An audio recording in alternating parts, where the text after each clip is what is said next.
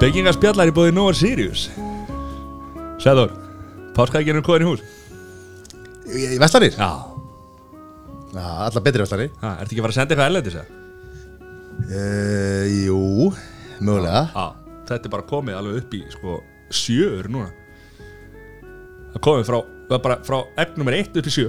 Og komið í Vestlanir? Já. Ok, gott að þetta því. Fólk fyrir bara að kaupa sér páskaæk Já. Við erum með því bóðið Famats Það er Sefis miður Og hvað gerir Sefis miður? Hann rakamælir. Hann er ástandskoðar.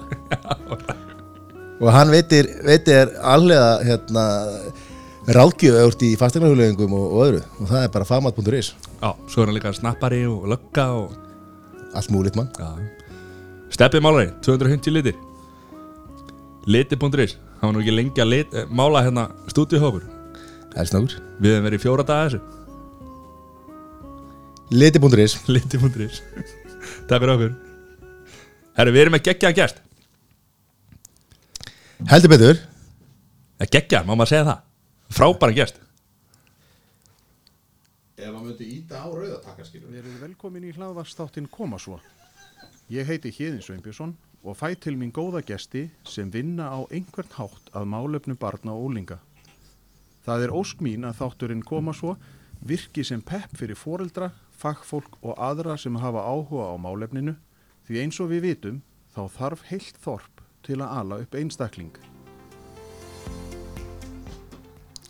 Ég er Sveinbjörnsson. Ítir á rauðataka Þetta byrjar vel Þetta er ekki að byrja nógu vel. Hæ? Þetta er geggjaðan Eigum við að hérna, upplýsa það að við erum með nýja græðu Ég, ég held það, ég, já.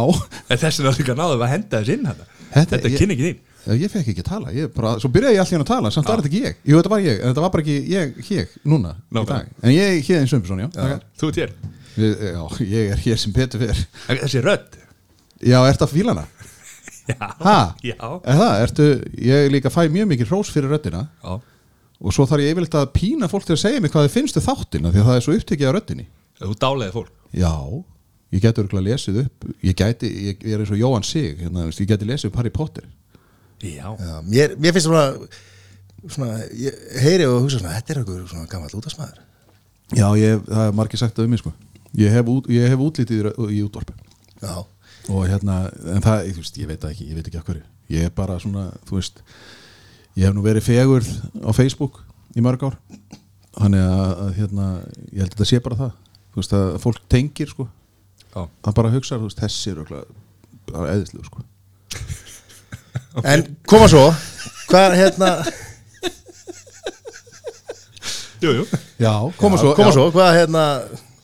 Segðu okkur aðeins frá því hvernig Já, hérna, tilur þáttarins Þetta var nú bara þannig að ég, veist, þetta podcast er náttúrulega bara bráð sniðugt dæmi. Mhm. og ég bara fagna þeim sem að fann þetta upp. Af því þetta er einhvern veginn samt svona, ef þú hugsaður um það að þá náttúrulega ég elstu upp við gömlu gufuna, rás 1 bara, dánafregnir og jarðafarir og ekkert útvarpa á fyndu Nei, það var ekkert sjómar, Já, ég Það var, ég var nú bara aðeins að slá að létta sko. Já, ok, ég, er líka komin á þann aldrei skil ekki svona grín. Nei, hérna, nei, ok, það var þetta var, þú veist, hvort það var búið klokkan 11 eða hálf 12 eða eitthvað, þú veist, og þetta var bara þetta, þetta var náttúrulega bara fáralegt, sko. Og maður þurfti bara, óskali sjúklinga voru bara aðal sko, maður hlustaði á þetta af aðtigli, hver var í aðgerð og hvaða botlangakast og eitthvað svoleiði, sko.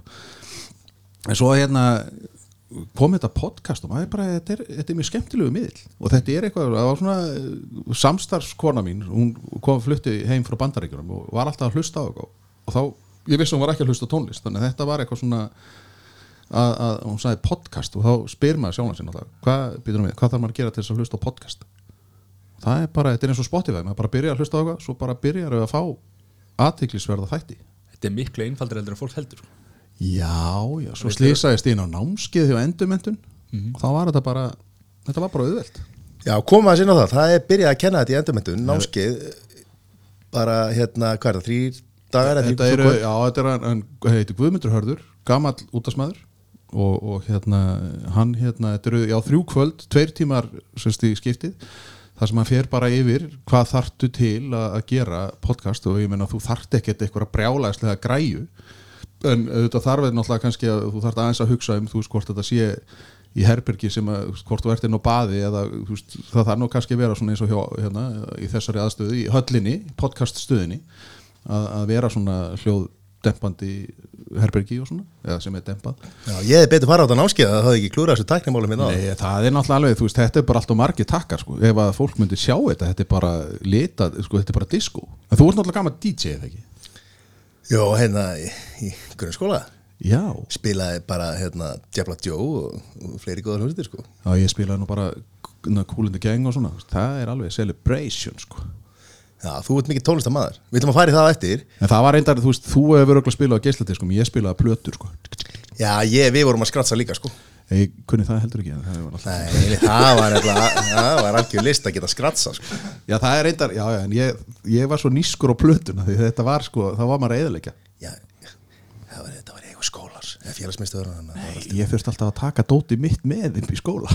Já, býti, það var, þú varst í kástinskóla ekki? Jú, Já, já gáði þingólskóla þetta já, þi- já já, reyndar. Sem, Þá- heiti, sem heiti kástinskóli reyndar í dag. Já, já, en það var náttúrulega, þú veist, þá bara fór maður með Reyndar bróðið minn áttu en það er náttúrulega alltaf hann það í- Áttur þá svona blötuspilar í tösku eða? Nei, bara, þú veist, maður bara lappaði um Nei Þetta var svona færalegu blöðspilari Handtæk græja Ég var á undan minni samtíð Sony nefnilega gleymd að tala við mig þegar komið Volkmannin Já, Þeir hefðu lært mikið að því að vera með, þú veist hérna, Plötuspilara í, hérna Hvernig hefði þið það verið strákar? Að vera með plötuspilar undir hendinni Og vera svo með græjuna bara dum, dum. Já Nei, þeir, en það að- reyndar þessi boombox sem allir voru með risa hérna. Ég fekk svolítið sér ferming Ég er búin að, ég er búin að vera allt, allt sem hún nefnir, Sæður Ég er bara á það. Þú átt það? Ennþá? Já, reynda, tækið sem ég fekk í fermingu Geggjuð græja, sjarp. Og Við erum að fá það hérna inn. hvaða lið auðlisti sjarp á í gamla dag? United man Nákvæmlega. Ha. Lísjarp Ó, Nei, Sæþór Já, en, en hérna, þú, þú hefur ekki viljað uppljósta hvað þú er gammal sko, en þú gerðir það næstu því þegar þú sagðir að, hérna, ég held að það er 93 sem að þú varst á hallarinsplaninu. Ég, nei Hvar ég, var hallarinsplaninu? Bara má ég spyrja því fyrst. Sko, ég var á Hallarinsplaninu 1983 til Nei, 1981 til 83 Nú, já, ok, ég er glæðist að það var 10 ára. Þannig að, en, en, en svona til er fyrir fólk að þá er ég að verða 52 En ég er í útlitið eins og 29 Já, og ég er með hérna krullur. Þú ert reyndar í bullandi greiðslustöðum sko. Já. Mér finnst þetta hár umræð að vera farin að vera svolítið mikið láttum við þekka að þetta, hann, þetta er, að, sko, ég heyri svona brandara daglega, sko. En hann er líka með há kollvik þannig að þetta verður eitthvað. Ég að- Við hefum eftir að hefna okkur. Ég er að safna andliti, ég er svo myndalið En ég meina, hann, hann þarf nefnilega að vera með svo mikið hár til þess að reyna að feli þetta andlit, sko. Já, reyndar Þetta er bara þversuna það sem ég var að segja hérna rétt á En Hallarinsplanið, það það er hérna það sem Fyrir Ingolst, Ingolstorg er og maður lappaði þar og frá hérna það sem að hótel er það sem er verið að rífast um hérna gamla kirkjugarðin sem að, að fyrir framann alþingishúsið. Austuvöllur, Austurvöllur og Kaffi París. Maður lappaði þar og það sem maður lappar hérna fram hjá Amerikan, hvað heita þetta nú? English pub og allt þetta, veist, þetta maður lappaði fyrst í, í réttsælis. Og svo á eitthvað tímpúti þá saði maður snúfið og þá fór maður hérna áttina og, merkilt nokk þá hitti maður alltaf sama fólkið á leiðinni þannig að þetta var mjög skemmtilegt sko. En var það Hallarisplani að lappa kringum húsina? Já. Þetta var bara, þetta er, og svo keirður niður laugavegin og fórst að og skoðaðar í fólki sem var hana og svona. Ah. og svo var stræt og heimklúðan þrjú. Það það var sem- þjónusta Það sko er ríkalegt að missa þessi tíma. Og hvað var þetta gert á 50 dögum að því að það var ekkert útvarp á 50? Fymtudum, föstudagar og laugadagar það var ekki Já maður þarf að sitja undir svona vitleysu sko. Já. Nei, ég menna þá þá reyndi maður að bara gera eitthvað sko. Þetta var reyndar alveg skelvilegu tími. Sjónvarp var líka svart hvítt sko. Ég held að það hef ekki verið í lit fyrir bara 84 eða eitthvað. Og þá var maður bara svona, wow. Og það var eins og maður hefði ekki verið í lit. Af því að sjónvarp var í svartkvítu Já, sjálfur? Já, Já, ok. Svo bara, vá Ögmundur Jónasson, hann er lit ég held að hann væri alltaf ég skilur, þú veist, ha, svo ég hefði mig hitt á götu þá bara, hver er þetta, hann er lit. Já, en svo upplifur líka þegar Ögmundi Jónasson kom í sko hátti Hvernig var það? þá var hann líka orðin svo gamall og krumpaði maður. Var, svo var þetta 75 tómi að maður bara, white screen og allt saman. Jó, vætskri, það bara hann bara að fl fletjast út á, á skjánu Hvað er fulla stærðin í hefur bara? Hvernig fórum við að ræða það að ég væri með podcasti koma svo og svo bara allt í einu eru komið hallarinsplanið og sjónvarslösa 50 dag hvað er, ég veist, Hver er að stýra þessu? Þetta eru spekingar spjalla. Spekingar spjalla maður veit ekki hvert þú fer Nei, það er bara nákvæmlega Þetta er rússipanni maður veit ekki hvað maður kemur upp á bókanum. Nei, Viltu nammi mæna? Nei, hérna, já, það er nóg á Sirius, er það ekki? Hérna, eh, nei, er, er við ennþá hallarsplaninu? Ég hef ekki bara að fara í Kástnes eh, va- Varstu sérst í Kástnesskóla, svo þingolskóla Já, ég byrjaði í Kastaskóla 73 Vá, hvað er þetta langt maður. Þetta er eins og maður sé bara hérna nýræður hérna. En Þetta eh, var satt 73 og þá voru sko ég var í skólum frá klun 1 til klun 5 og kona mín hún var í mótstæðin, við vorum fjóri bekkir og hún var frá 8 til 1 voru Eða byrjuð hálfleik. saman þarna? Já, Ha? já, 6 ára Við bara, þú veist, hjörtun Nei, Þetta var eitthvað vanspekingur að spjalla. Nei, já, já, þú veist, þetta bara, þetta bara Já, og kona mín, hún var alltaf var þarna bara Nei, nei, menna, við erum bara bæður úr Vesturbæ Kópavóks eina, eina play, maður fer ekki langt Nei. til þess að leita að ástinni. En nei, ég meina þá voru krakkar í skóla á laugatu skóli maður þrísittin sko. Og svo var ég komin held ég í bara fjórða eða fymtabæk, þá loksins fekk ég að fara fyrir hátegi í skólan sko. og þetta var bara, manni fannst að gegja allt í einu gastu verið að fara heim og fara að leika sér bara eftir skýri það var bara myrku þegar fyrstu árið þegar ég kom heim á skólan og þegar maður var alltaf í skólan til fimm. Var þá bannað að leika fyrir hátegi Ég Kannski meina, vera að leika maður fyrir hátegi bara- og fara í skólan klóni maður bara fekk sér og, sk- og bara horfði á heyrði ég var líka að horfa á amerísku sjónvarpið. Hvað er það? Já, Var það hérna einhver Frá svona- hernum. Var það svona kanarás já? Kana sjónvarpið. Svo var slögt á því að maður geti orðið spiltur eða rugglaður eða eitthvað og hvað er í sjónvarpinu í dag? bara eitthvað amerískt Var það ekki hérna Cosby Family bara í sjónvarpinu eða? Herðu köttunum Felix Mamma vakti mig sérstaklega aðfara nótt sunnudags klukkan 5 til þess að horfa á köttin Felix Þú, hvað er það? Já, nákvæmlega ef þið farið á YouTube þá hérna getið þið séð það kannski Er það ekki bara hérna stundir okkar hérna? Hvað heit hann þetta? Nei, það er Keli ah, okay. Nei, það var nú hún hérna Ragnhildur og Krummi sem að var þegar ég var Já, svo ástaf Keli Já, mist það er, það er ykkar mál- tími. Ég var með Bryndísi og, Nei, þá var ég reyndar á núlingur En ég horfði samt á það Því að yfirskinni var að horfa á Latta sko, eins og Þórð Húsvörð En það voru allir ástóðinni að Bryndísi skram sko. ah, Já, Hún var geggjum og er enn eða ekki? Hæ? Nei, eða það? Nei, hún er alltaf í fréttunum Ég stum svo, Já, það er svo neikvægt sko. Ég fór ekki að Við skulum ekki fara þáka Nei. En ég var, í, ég var svo í hérna, fór í þingkól þegar vorum í, í það hérna alltaf sjööndu bekku þá og maður var svona fyrta í hérna félagslífinu viltur í því og, og fór að spila svona tónlist og svona en, en maður var nú ekkert háþróaður. Maður kunni bara réttu teknina og, og svona, var ekkert að skratsja en eitt svoleiðis. Svo hérna fór ég í Vestló að því mér nokkað að vika sjóndeldarhingin, kynnast öru fólki.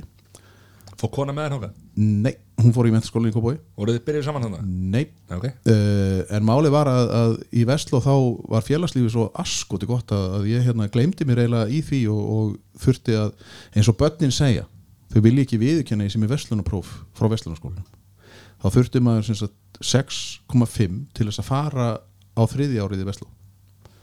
Og ég fekk 5,7 eða eitthvað nú er ég að ljúga eitthvað, ég held að það hafi verið fengið með 5,3 eða eitthvað ég náði allan að Vestlunarprófunu og þau segja, börni mín sem er átjánara, hundleðileg að hérna ég fjall en það er náttúrulega grétt Nei en þú veist ég bara náði ekki milli ára. Já, hvað?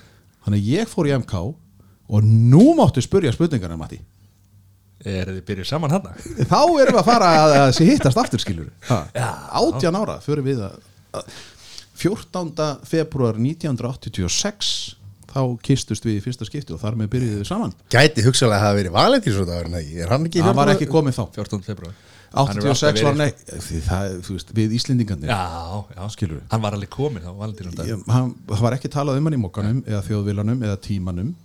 Þú veist þannig að þá var þetta ekki hér á Íslandi. Valentínusdagurinn kemur þegar interneti byrjar. Já, skilur það, við erum ekki, vorum ekki á svona amerísk þá við En ef ráðum það- þegar við föttum það. Já.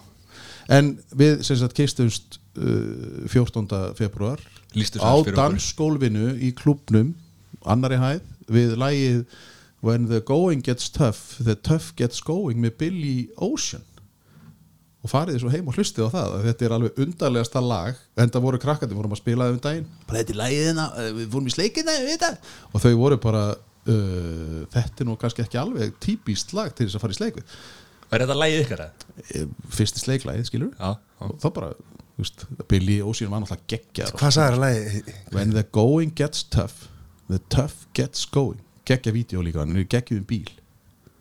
Nú er verið að finna nú er verið að kúkla lægi þú veist, í alvöru. Hvað hérna, já.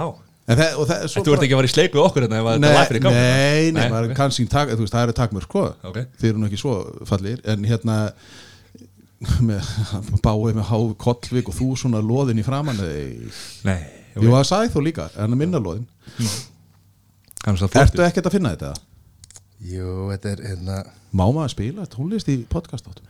Já, ein- einhverja sekundur held ég sko Ég held þetta að væri nefnilega, þú veist, að því þá er það svona meira gamla guðvan, sko. Þannig er þið bara í skrúusleik Sjá, eiri þetta?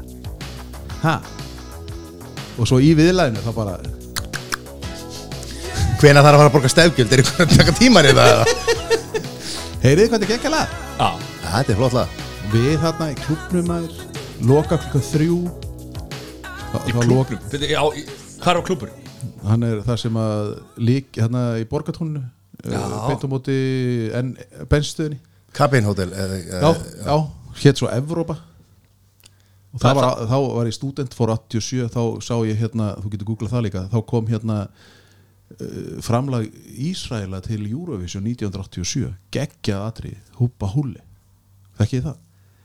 Húpa húli húli Húli, húpa, húli, húli, húli, húpa, húli, húli, Þetta var geggjað lag, þetta var, eða, þú veist, og þeir komu til Ísland, skilji. Og maður var sko, þetta var bara eins og maður væri bara búin að sjá hérna átrúna góð, þú veist, þetta var klikkað. En reyndar var svo sem alveg drukkin, sko. Þetta var eins og þegar þú fórst á bíberinn Matti Já, Fórst á bíberinn? fór ég á bíberinn Ég fór á timbileik. Jú, ég fór á bí- bíberinn var hérna Jú, ég fór á bíberinn ég, sko, ég og tónlist er bara Ég veit ekki neitt um tónlist sko. en akkur fórstu á bíberinn? Bara, kona vildi fara á bíberinn og ég segi bara, jú ég- Ég fór á Erasmið. Nei, nei, ég fór ekkert á Erasmið, ég fór á Guns N' Roses. Já, ég fór Guns N' Roses Ég var reyndar í gæslinni en allt í lagi, þú veist, það var svona alltaf. Ég hef nefnilega farið á alveg fáralega mikið af svona tónleikum fyrir utan það ég, ég, ég, ég hef engan áhuga. Ég skil það ekki, hvernig getur ekki haft áhuga á tónlist? Því ég hlusta podcast. Ég, ertu nýræður eða? Nei. Nei, ég- þú veist, akkur hefur ekki áhuga á tónlist? Ég- Ég, fór, á, ég fór til Svíþjóðar og sá hérna Deepest Mode. Og ég gjör svona dó. Fólk var alveg bara, þú veist, kora mér sagði bara nennur að hætta að taka yfir Facebooki mitt þetta Já, og því ég var alltaf með live feed veist, og hún var alveg verið að geðu gása og ég bara, ég misti mig strax á fyrsta lagi sko. þetta finnst mér geðu já, ég misti samt að tínu törnu þegar ég bjóði Danmarku ok. Fattaði ekki hún var henni rétt hjá bara, nýskur ég, er, já, ég hef aldrei, ég veit það ekki. En byrju, vorum við búin með sleikin og, og fyrsta lagið og svo Þetta var ykkur, já, eða, þú veist, ekki búin eða, ég, er þessi þáttur Já, við vorum komnir, við vorum, við vorum komnir að því sko hvena börnin kom undir. Nei, já, og hvernig það aðtvíkast það er reyndar saga að segja frá því. Það þurfti, við þurftum smá nú horfi ég á bolla. Hvað, því, hvaða vitni skeið það Já, það hjálp, gæti verið glas, skilur hjálp. Það þurfti að fá aðstóði í þá hræru. Tók vel fimm ár. En það er miklu setna skilur æfiskeið mitt er náttúrulega svo orðið svo langt að það, er, þú veist, þetta tekur svo langa tíma. En þú erstu búin að finna lægið húpa húli Herri, það er bara leiðinni sko. Þetta, veist, þetta, við getum alltaf tengt lag við eitthvað. Já, ha? svo kemur einhverja tímpúti ég, ég, ég var að vinna hérna, ég var að vinna í bónus hérna í gamla dag sko, Varstu og hérna- Ha? varstu dúttari? Já, já, ég var í traðast í dúddar ég, það var- ég var ekki dúdd sko, því það var bara Ég var svo hvernig voru græðina þá því fyrst? Nei, þá þurftur að skrifa eða ekki? Nei, ekki ból hlustaði, geggjalag. כל בוקר אני מתעורר בערך שעות העשר רוצה לראות השמש התריסים קצת מסתירים léli gæði reyndar פותח התריסים ולא Þetta er- רואה þetta er שמש. úr Eurovision, את השמש þarna. מסתירות שורות של 87. בניינים עושה לי כוס קפה En ég, ég verð nú samt að segja að þetta, þetta var geggjaði tími sko. af því að það var í, hérna, þú veist, eins og í tónlistalega það var hérna, nýbylgjan að koma punki var, svo varstu disco eða hérna, eitthvað svona og, og hérna þú veist, þetta, þetta var allt að gerast og svo horfði maður á Eurovision að það var sko þegar ég var krakki þá var þetta aðal dæmi að sita með mömmu að horfa á þetta í svarkitu og þá var það sko sínt viku setna og texta og það vissi enginn á Íslandi hverjir höfðu unnið Euro söngikefna Af því það bara- var ekki komið. Já, nákvæmlega. Fréttina bárist bara ekki yfir. Eða veist, það var bara eitthvað svona það var ekki talað, eða þá hvort að ég var náttúrulega bara vitlaus af því að ég fattaði það ekki. En veist, þetta þú veist, viku setna Já, enda líka þegar að, að það kom sko, var, uh, Eurovision live þetta var bara geggja sko, að maður gæti setja og skrifa stíin og allt maður. Já, tíundir, Maður maður maður breytast maður. Þetta er bara, já, núna er það bara drikkur Já, eða ekki, já, já. Fötin og svona. Þetta er nefnilega þrjusu skemmtilegt. Mhm. en þetta er góð minning svona með mömmu. Já, en búið, það var ekkert annað ja. Jú, svo maður er nefndur, þess vegna fór ég að hlæja þegar stefið eitthvað byrjaði, ég var alveg bara í þættunum maður er nefndur kemur, þetta var eitthvað svona þetta var eitthvað svona ljú- hugljúft og maður, ég var alveg bara já, hér, hér er Halldór Kirján Lagsnes og hann er ekki ánæg með stefið? þetta, er, jú, ég, ég segi, þetta bara vekur upp minningar skilur. YouTube-jón er nú ekki ánægður ef var ekki ánægð með þetta. Já. En hvernig stendur, við finnst að tala um Eurovision hvernig stendur á því að núna 2019 erum við ennþá að diskotera uh, fyrirkomulagið og á að syngja á íslensku eða á að syngja á ensku og hvað gildi símakostningin á móti hérna, dómarunum það er ennþá verið að vinna í þessum málum sko. er þetta ekki bara við Íslendingar? Erum upp til hópa eins og gullfiskar. Samanber ákveðin stjórnmálamæður í, í Reykjavík. Að, nei, er þetta ekki bara því að við munum ekkert hvernig reglunar eru, við munum ekki neitt. Og við bara gleymum á milli sko, þú veist, daginn eftir þá bara, ég ætla í átak svo bara daginn eftir þá ertu bara búin að geta þrjú og eitt sett þetta, þú veist, það er bara, sko, þú veist, ég er alveg að bilast á þessu einu setti sem er að Það borða er að horfa á því það er bara alltaf einhver ný starfsmæður á rús sem að færi þetta bara fyrsta janúar. Herrið, nú þú ert með söng hérna, já, byttu nú við hvernig, Svo er það er engin minnisblöð til, til sér í fyrra en ég meina, hvað er líka, þú veist, evróska sjónvastöðuna, hvað er þær að breyta alltaf reglunum? Mér finnst þetta slaft. Pállóskar átt að vinna til dæmis, Já, klárlega. Og keppninni. Ha, þegar við vorum búin að vinna heim í 1986 það gerist allt 1986 ég er fyrsta sleik, IC-hópurinn Æsi hópurinn, hvað er það? Hver er það?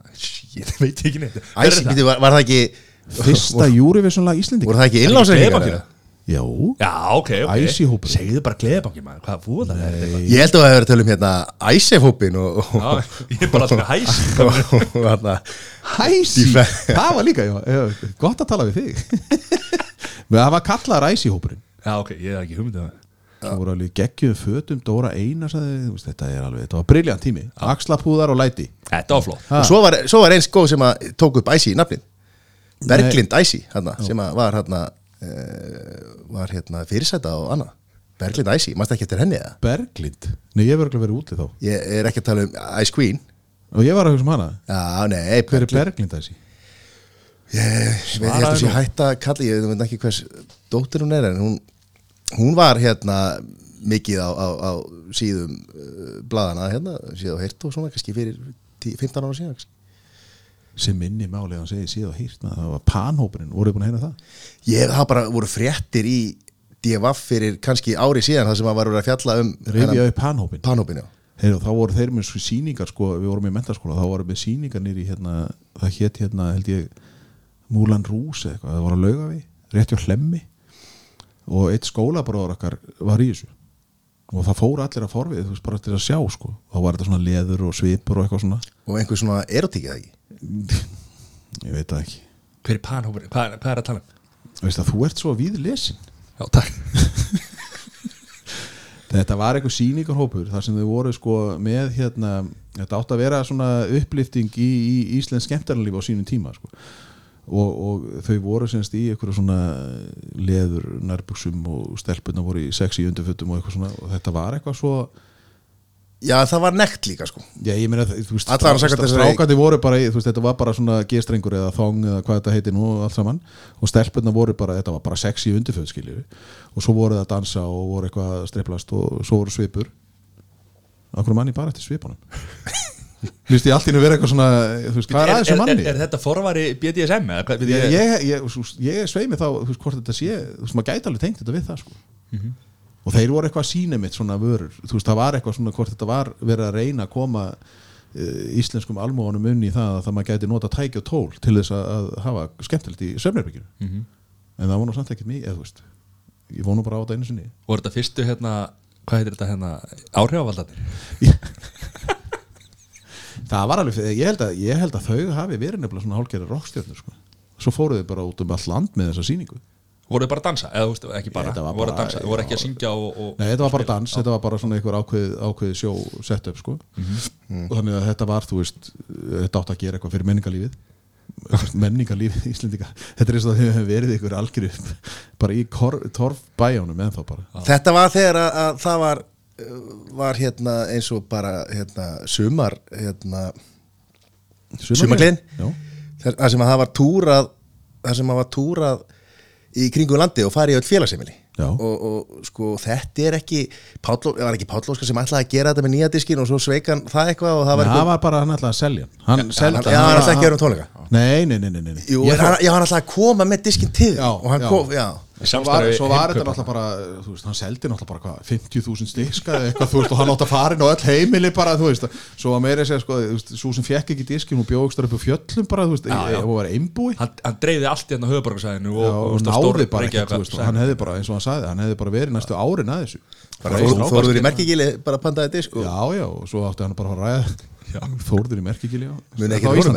Á mun ekki Þórður í merkigili ertu ekki að tala um gísla á uppsölum? Nei, já, það var uh, sko, Var það það, var líka, það í undanfarið? merkigili var merkigili skæða fyrir, það var líka svona staður sem að var bara ekki dra- eða sem sagt var mjög afskektur uh, lítill bær sem að með einhver ramagni og, og eitthvað slíkt sko. ég er ekki að tala við vitalið þegar Ómar Ragnarsson fór og, og, og síndónum, mann. talaði við Gísla og, og uppsölum og síndónum hann sjónvarpið og, og þetta sko en það var, Og það þurfti að texta mannin Hvað er það? Hann var búin að búa svo eitt lengi, það þurfti að texta mannin tala ekki verið ha, En Ómar alveg bara, já, skildi hann alveg, þú veist, maður bara, hvað, á hvað lifið mér hann? En Ómar Ragnarsson er náttúrulega með stæri sko. algjörmestur já, við ætlum nú ekki að fara í sjúkrasögu Ómars Ragnarssonar og lífa nótkur en þú veist að búin að reyna að spurja á hvað lifjum hann ég er ekki vaka hvað þeirri þeirri hérna, lífaskrána sko Það er sko, Ómar er ofta að hlusta, þá var þetta bara smá grín, sko en málið er nefnilega hérna, Sér, ég heyrði hérna eldri hlustendu podcast. Nei, þeir eru ekki til. Nei, heyrðu, ég, ég, veistu, þetta er alveg rétt hjá þér. Þegar ég er að reyna að selja þáttinn. Já, var það þessum sem ég kom með þetta viðtalina Já. Við vorum að tala um þáttinn sem ég er með hérna. Það fyrir að í tala um eitthvað Við erum í panhópnum. Sævar vinnu minn sem er, var með mér í kór Hann, hann verið ánægð með þetta Ég laug því að einhverjum að hann hefði verið í já, Og djöfull gekk svo saga lengi maður Og hann var alveg bara já, hann var í panhópnum Svo var fólk náttúrulega bara Hvað er það? Æ, Sævar náði nærbjörnsnæðina farðu hlutunum Nei, hérna, þe- þetta er alls alveg ótrúlega hvað fólk sko með alla þessa tækni sem er í dag. Og fólk svo að maður bara, já, ég er með svona podcast. Hvað er það? Það er svona hlaðvarp. Ha? Er það svona útvarp? Og ég já og nei. Að þetta er samt, þetta er svolítið skrítið hvað fólk er einhvern veginn, það veit ekkert um þetta. Þetta er kannski að þetta er svo nýtt hérna á Íslandi. Að, að bandarækjumenn alltaf eru búin að gera þetta í, í hvað ætlaði þessi búin að gera í 15 ár? ég sá einhverja tölur úr, úr einhverju greins fyrir svona tveimur ef ekki þreimur á síðan. Allavega tveimur. Þar stóð sko að 47 miljónir bandaríkjamanna hlusta á podcast sko allan svona vikulega eða eitthvað slíkt sko veist, það fyrir einhverjum tveimur þreimur ár síðan sko. Það er bara búið að vaksa gríðarlega síðan þá.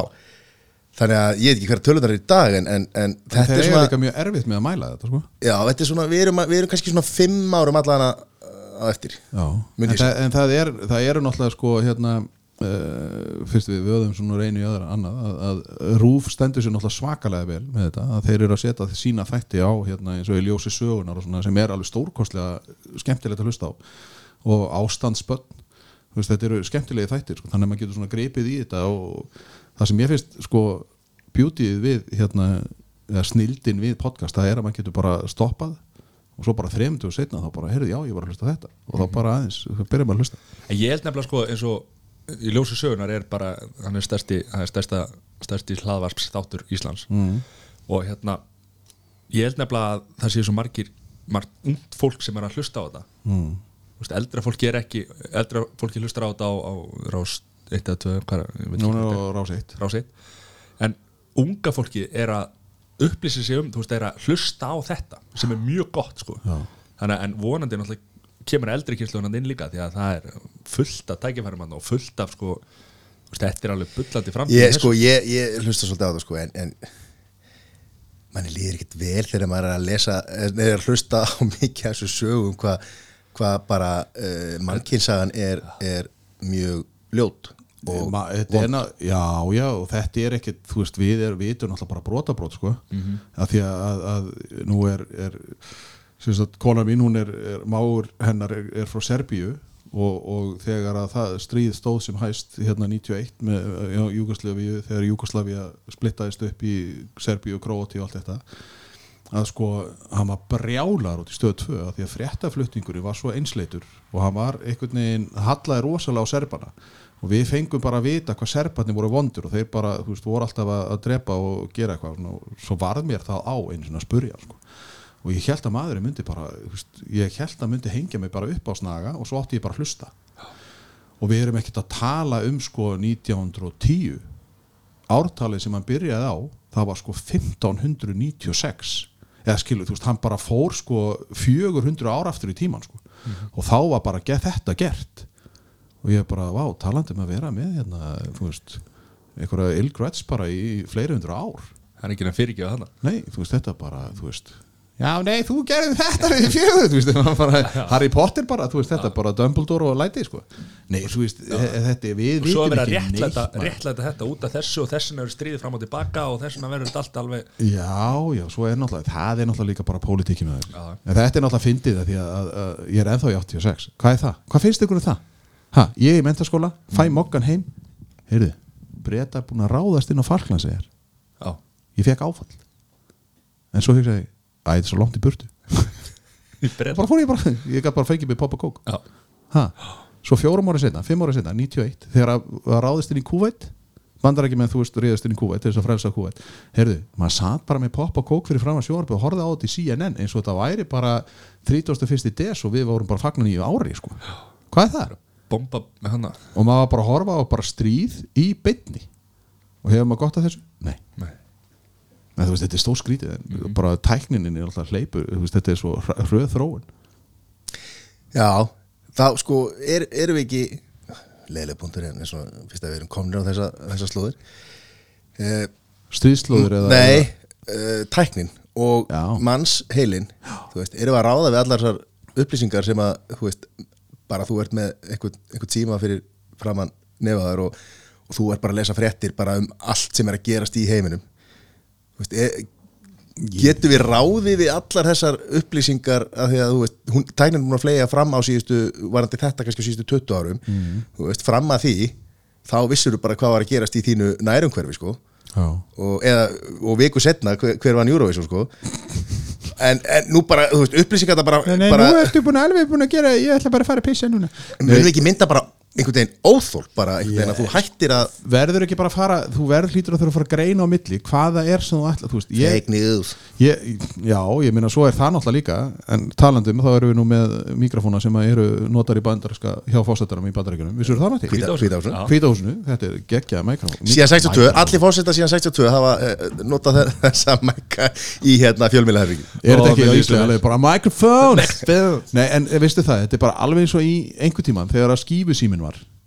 er þetta Ó, ekki á með íslensku, alveg bara microphone Nei, en eh, veistu það, þetta er bara alveg eins og í einhver tíman þegar að skífusímin var veitu þið hvað já, Það er svona, þú ég, veist, maður alveg, þú veist, ég að fór einu svona árbæðsafni þannig að ég og svo var þetta alveg sko, þetta var svo þungt að maður gæti ekki lappa með þetta. Nei, hérna Þetta var líka tengt vegnum nei, ég maður, símanúmeri heima var 4, 16, 16 skilji, þú veist hvað er það já, bara það, þú manst engi símanum í dag af því að þú maður bara í að símaskrána bara Siggi og það er hann. Og það var náttúrulega sagt á sínu tíma þú veist, maður átti ekki að leggja þetta á minnið en einhvern veginn, þú veist, vissi maður alltaf alveg bara já, þetta þú gætt alveg talið upp einhver símanúmer sem að voru bara fáranlegt að þú myndir þetta sko. núna í dag, þetta er bara hvað er maður bara veit ekki neitt. Nú er að byrja fólk um að leggja pinnið á minnið sko, og það verður fjóri stafur og það er bara nóg erfitt sko. Fyrst þegar ég lendi því þá var ég fluttið til Danmörku 93 og þá fekk ég svona lítinn mið á. Ég þurfti að skrifa pinnið þú veist, já, bara fyrstu fjóra tölunar og svo átti ég að skrifa tölur þú veist, frá einum upp í nýju í kringu það. Og svo myndi maður samt sko hvar maður hafði sett pinnið. Hvað finnst ykkur Þetta er bara eitt af flóknum sem ég heirt sko. En það var náttúrulega líka, ef maður týndi helst miðanu þá var náttúrulega varstu bara fókt það bara, eh, hvað var þetta hvað var þetta pinnumri og þetta finnst mér líka, þú veist, við alveg þetta- en tæknin er að þetta er náttúrulega bara fáralegt þú veist, dótti mín, þú veist, já, tvíbura sem eru átján að, að hún er að eitthvað snapp eitthvað, þú veist, og alltaf taka upp eitthvað og segja eitthvað og ég alveg, er þetta að gera? Ég verið að tala við vinkonu mína. Fyrir ekki, okkur, ringir ekki að bríðana þú veist, það tæki þrjár sekundur, sko Nei, þá var hann að eyða, sko hvað, tíu sekundum, er ekki snapp tíu sekundur eða eitthvað, ákveður eitthvað svona? Það er búið að lengja þetta eitthvað núna. Nei, þú veist, og uh, akkur bara ringir ekki? Ég að tala við vinkonu mína í mentó Þú veist, alveg í þrjá tíma. Já. Alveg reikn nokkra sígarettur og allt, sko. Svo er það bara, eða sjást Svo laði ég á og svo spurði pappa og mamma alveg, Hvert að fara? Ég, við erum að fara að klára samtalið. Og heldur bara áfram, skilu veist, og, rættum og rættum og rættum og rættum, sko. Já. Og, og sko þetta eh, unga fólk í dag, það talar saman í gegnum svona forrit í staðin fyrir sko, fyrst kom SMS og það var bara, unga fólki talar ekki, sa, ringir ekki heldur notar SMS, Já. svo kemur Snapchat og, og Instagram og hvað sem það heitir fólk, unga fólki bara talar í gegnum þetta. Og við, ég man nú eftir bara þegar ADSL kom og það bara, nei hérna ekki ADSL þegar að þegar þegar mó- módem módemi og 64. þegar þú varst í tölvunni á internetinu, á yrkinu að þá var ekki hægt að ringja sko. og á yrkinu sko. Ha, er þetta blár kóði? Mér var starrend að gegja þá var ég í Danmarku, þetta var bara veist, ég flytt út til Danmarku 93 og þá var ekkert svona komið, svo var þetta þetta var aðeins byrjað að koma sko smá. En þá var sko þurftur eins og frá Danmarku, þá þur, sko, þurftur að ringja sko, það var dýrara að nota netið af því að það þurfti að fara eitthvað í gegnum eitthvað fylki. Þú veist þetta var alveg, þetta var eins og var að ringja bara til sko túnsinn sko. Svo kemur konan, hún kláraði kennaráskólan hérna heima og við, svo kemur hún út og svo komum við heim um jól ní- 95 og þá vorum við strax spurði, er þið með netfang? og við vissum ekki hvað það var sko. og þá var bara á sex mánuði hérna í Íslandi, þá var bara svona sprengja. 95 Sím, símnet, allir með símnet.is eða eitthvað já, svona já, já, vísir þú veist hvað þetta var, þú veist að þetta, jú, Simnet var örgulega aðal, það var ekki Sími bara eina fyrirtæki, Já. eða talið eða eitthvað svona sko. En kostur náttúrulega við Íslendinga við erum, þegar að tækni nýjum kemur, þá erum við fljóta aðal okkar að því eins og podcastið þarna sem að við erum landað eftir Já, ég meina að þú veist en þið byrjuðu nú að hugsa þetta fyrir ári já, jú. þannig þið eru helviti góðir þú veist, það en er- ég, ég, ég, ég, 20 ætla, þáttir síðan ég ætla að segja beintengt því sem við vorum að tala um að, að diggi hlustendur muna eftir hérna, sögu uh, Guðmynda Benediktssonar þegar hann fór fyrst út í atvinnumensku þá fekk hann bara að ringja heim sko einu sinni í viku og Það var svo- í samningnum hans, allir mann samningnum hann fekk, hann fekk að ringja einu sinni í viku það, bara, hann, það voru hans réttindi sko. og stundum bara var enginn heima og svaraði enginn þannig að það bara að býða aðra viku sko. Vá, hvað heim. fóreldrar hans hafa verið glataðir Nei, þetta er bara Er þetta það gummir á að ringja förum? en sko ég er nokkuð vissum að það hef ekki verið númerabyrtir hann að þessu ekki Nei, var að nei ringja ég, þú veist, en svo var það líka þú veist, ég, ég bjóða eins og í Danmörku þú veist, ég bjóða kollegi, þú veist, pappi ringdi ég vissi alltaf klukkan hálf tólf, tólf eitt á nóttunni. Ég bara, þú veist, ég alveg pappi þú veist, við erum sko þá voru kannski tímamismunni tveir tímar sko, hann alveg bara glórulegs hérna heima bara klukkan tíu, bara rétt í síðustu kaffaböllunum, þú veist, alveg nennir að hætta að ringja svona seint, seint, hún er tíu Hún er tíu, það er líka. grillaði gaur sko Já. en ég minna, þú veist, þetta, auðvitað er þetta gott en þetta er samt eins og veist, maður þarf að þú veist, sumt náttúrulega kannski manstu bara þarf ekkert að muna hvað það er sko. mm -hmm. 80 rauða rósir 87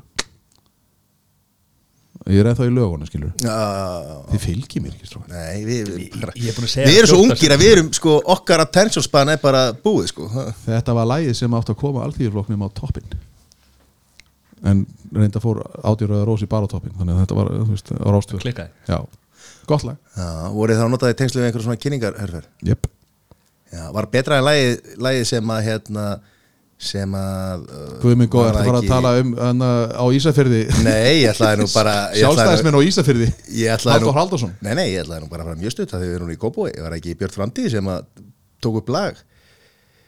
Uh, Sverrir sem að, hérna, Já, Sverrir Óskars já þau tók upp eitthvað lag í kostningunum hvað, 2014 En nú er hann vita Nei, laglaus. fyrr, fyrr Hann er vita laglaug sko Já, Autotune. fylg, fylgið mér ekki, ég er að Autotune. tala með það tónlistina síðan 2000 og hérna Þau- Þegar að þau í tekstu við kostningaherferðina hjá, hjá hérna, eh, sem að hétt á vandalega Björn framtíð uh, þá gerðu þau eitthvað lag og hérna, getur við klittið út eða? Það er bara Hvað, þeir eru svo, þeir eru ekki nú Ég lestir sko. líður ágætlega. Ég var náttúrulega á Uppsulunlistanum sko sem er undanfari Bjarta framtíðir í Kópói Já, Það var 2010 það var 2010 Já, Er það ekki of mikið stökk frá 87 til 2010? Ef við geftur að taka Nei, ég Við, já, við erum eftir, að, eftir, að, eftir að fara í hérna Q1 stríði þetta þegar þú varst að fylgjast með því og borða Pop og kók, hugsið ykkur.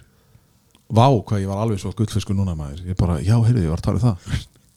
En eh, hve- hvernig finnst ykkur samt að vera að horfa bara á sem Hvað voru þið gamli þá? 87 Nei, 91 91, Stríðið það er bara 6 ára sko. Þú hefur verið eldri. Horfður ekki á það? Nei, ja, Hann var 8 ára. ég var áttara Máttur ekki horfa sjónvarp? Það var ekki að finna Já, stríði gerist yfir þetta 50 Sko, ég- Þetta er í alveg að ég muni. Nei, veistu hvað við- en hugsið ykkur samt, hugsið ykkur samt hvað þetta er, hvað þetta er fáránlegt að þegar maður er alast upp það var sko ein sjónvarsós og það var ekki á 50 að því að starfsmenn þurfti að eiga frí svo var bara heill mánuð það sem var ekkit sjónvarp að því að starfsmenn þurfti að fara í sumafrí Já. þú veist, þetta var bara, maður verið veginn svo í dag, þá bara hvað, 7000 þú veist, hvað maður getur nálgast mikið að dóti og, og að því að við erum nú að tala um svona podcast og svona þá hvað er þetta gaman, sko, að maður getur sko fundið allt, öll áhugamál. Það er alveg sama hvað það er. Sem eru bara rosalega skemmtilegt. Eini gallið með það, eða bandar ekki með þeir tróða náttúrulega sínum auðlýsingu svona þú veist, er alltaf að, að nefna þegar þeir, veist, þeir eru að reyna að finna eitthvað leiði til þess að mæla sko áhor, nei, áhorfið hlustunina sko. þannig að minnst það eini, eini gallin við, við hérna bandarisku þættina sko. Misset eftir náttúrulega þáttum hvernig hérna hvort það sé á undan og eftir eða hvort það sé miðri, þú sett auðlýsingarna sko. Mér veist pirrandi þegar þetta er í miðju spjalli sko. Og við ætlum að fara í skjallagur auðlýsingar en þetta er samt hérna, þetta er samt hérna, það er gaman sko, svo líka því þetta er náttúrulega fleiri sem fá tækifæri að gera þetta. Þetta er ekki bara einhverjir fáir og svo getur það náttúrulega verið eins og, eins og hann kom inn á námskeiðinu. Það er víst einn maður búin að skrifa meistarritgerð um útvarp eða ekki það sem hann kemur inn á hlaðvarp. Það er til, það er allan til BR-ríkjar sem að, eða BS-ríkjar sem að fjallar um hlaðar på Íslandi sem að strákur skrifaði 2014 held ég. Var þetta ekki, ekki, ekki meistrar, meistarritgerð? Eh, það skiptir ekki, það var allavega um var allavega, hann, hann segir allavega að, veist, að, að, viðmælindi talaði um, veist, að, að skiptir ekki máli, veist, hver hlustun er, að því að meðan þú hefur gaman að þessu, þá skiptir einhver máli.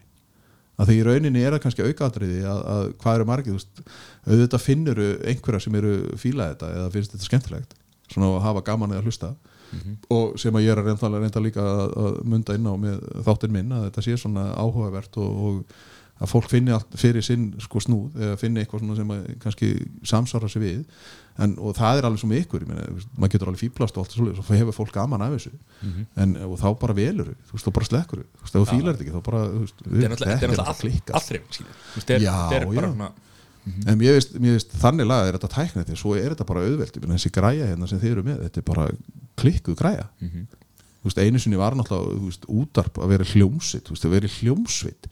Að burðast með eitthvað trommusett og magnar og bassa, þú veist, þetta var bara þú veist, fílitt fyrirtæki, svo í dag nú er þetta bara með tölvuna. Og líka eins og þegar maður sett upp útvarp í grunnskóla sko, það er bara, þú veist, Já, og já, maður fekk já. viku og hérna og, og þú veist, það er því líka græjur og redda ykkur útvarsleifi og, Já, og og borga stefgjöld og eitthvað svona Já, já. er ég, þú veist, ok, við skulum ekki ræða þau hátt hérna, þú veist, ef, að þeir, þú veist, ef að stef myndir nú kannski fara, nei, þú hlýtur að með að gera þetta. Nei, ef að Billy Ocean ringur og vil fá hérna Ein, Eina vesinu fyrir okkur hérna var að fara í kvítás og ræna þessu mækup sko. Já, ég er ánægð með ykkur. Þetta hefur verið, var Obama fórsitt þá? Það var, Ég heyrði að það hefur lélu öryggiskesla þá. Það okkur miklu fleiri að passa Trump að, Já, ég, nei, Trump á mættur sko, að við klifurum bara yfir veggin og komast inn bara, Við frá Æsland Og þau bara, woo, have a microphone. Ah, Æ, við, við vorum 91 í Kuveit sko, þú, þú sagði sko sjómanstundina, við eigum sjómanstund Já, uh, sem að sko, sem að svona okkar kynslu horfði á. Fyrst náttúrulega horfði allir á Keiko þegar Keiko kom. Uh, en sko náttúrulega, náttúrulega tvíbara turtandi 2001 er náttúrulega svona okkar okkar Kuveit sko. Það, það er náttúrulega líka eða líka allra En kannski hu hugsið ykkur samt að vera Þegar þetta kemur upp. Veist, muna, margir muna hvar þeir voru þegar þetta gerist. Já. og svo ferðu og þú sérði þetta sko sí endurtekið og hræðsla sem grýpur um sig í hérna í hérna, þú veist, heiminum út af þessu að, að það er náttúrulega bara, þetta er náttúrulega geggjun og þú sko, ég skil vel að krakkar í dag séu hrættir og stressar og kvíðnir fyrir framtíðinni. Ég var aldrei, þú veist, ég náttúrulega þegar ég er allast upp, þá var sko kalda stríðið og krabba minn. Þá var náttúrulega bara, þú veist, krabba mig var bara döðið, þú veist, ef þú fyrst krabba mig þá varstu bara döður síðan náttúrulega leysist kaldastriðið með falli Múrsins og allt þetta 89 þú veist, djúvel er ég að reyna að halda okkur þar. Já, Mm, Veistu hvað gerist líka 89? Það var bjóri leður á Íslandi Fyrsta mars. Að lifnaði yfir ég, Eftir að, stein, Fyrst- eftir fyrsta að steingrími var búin að neyta okkur um bjór hana. Já, ég verði þetta fjóra ára þannig ég var nú ekki En halda hérna Íslandi í helgagreipu Það var bjóri leður aftur 2000 nei, Steingrímur Hermanns. Já, Nei, hérna Steingrími og Sigfússon alltaf ég það var náttúrulega, hann var íþróttamæður að Guðs náð.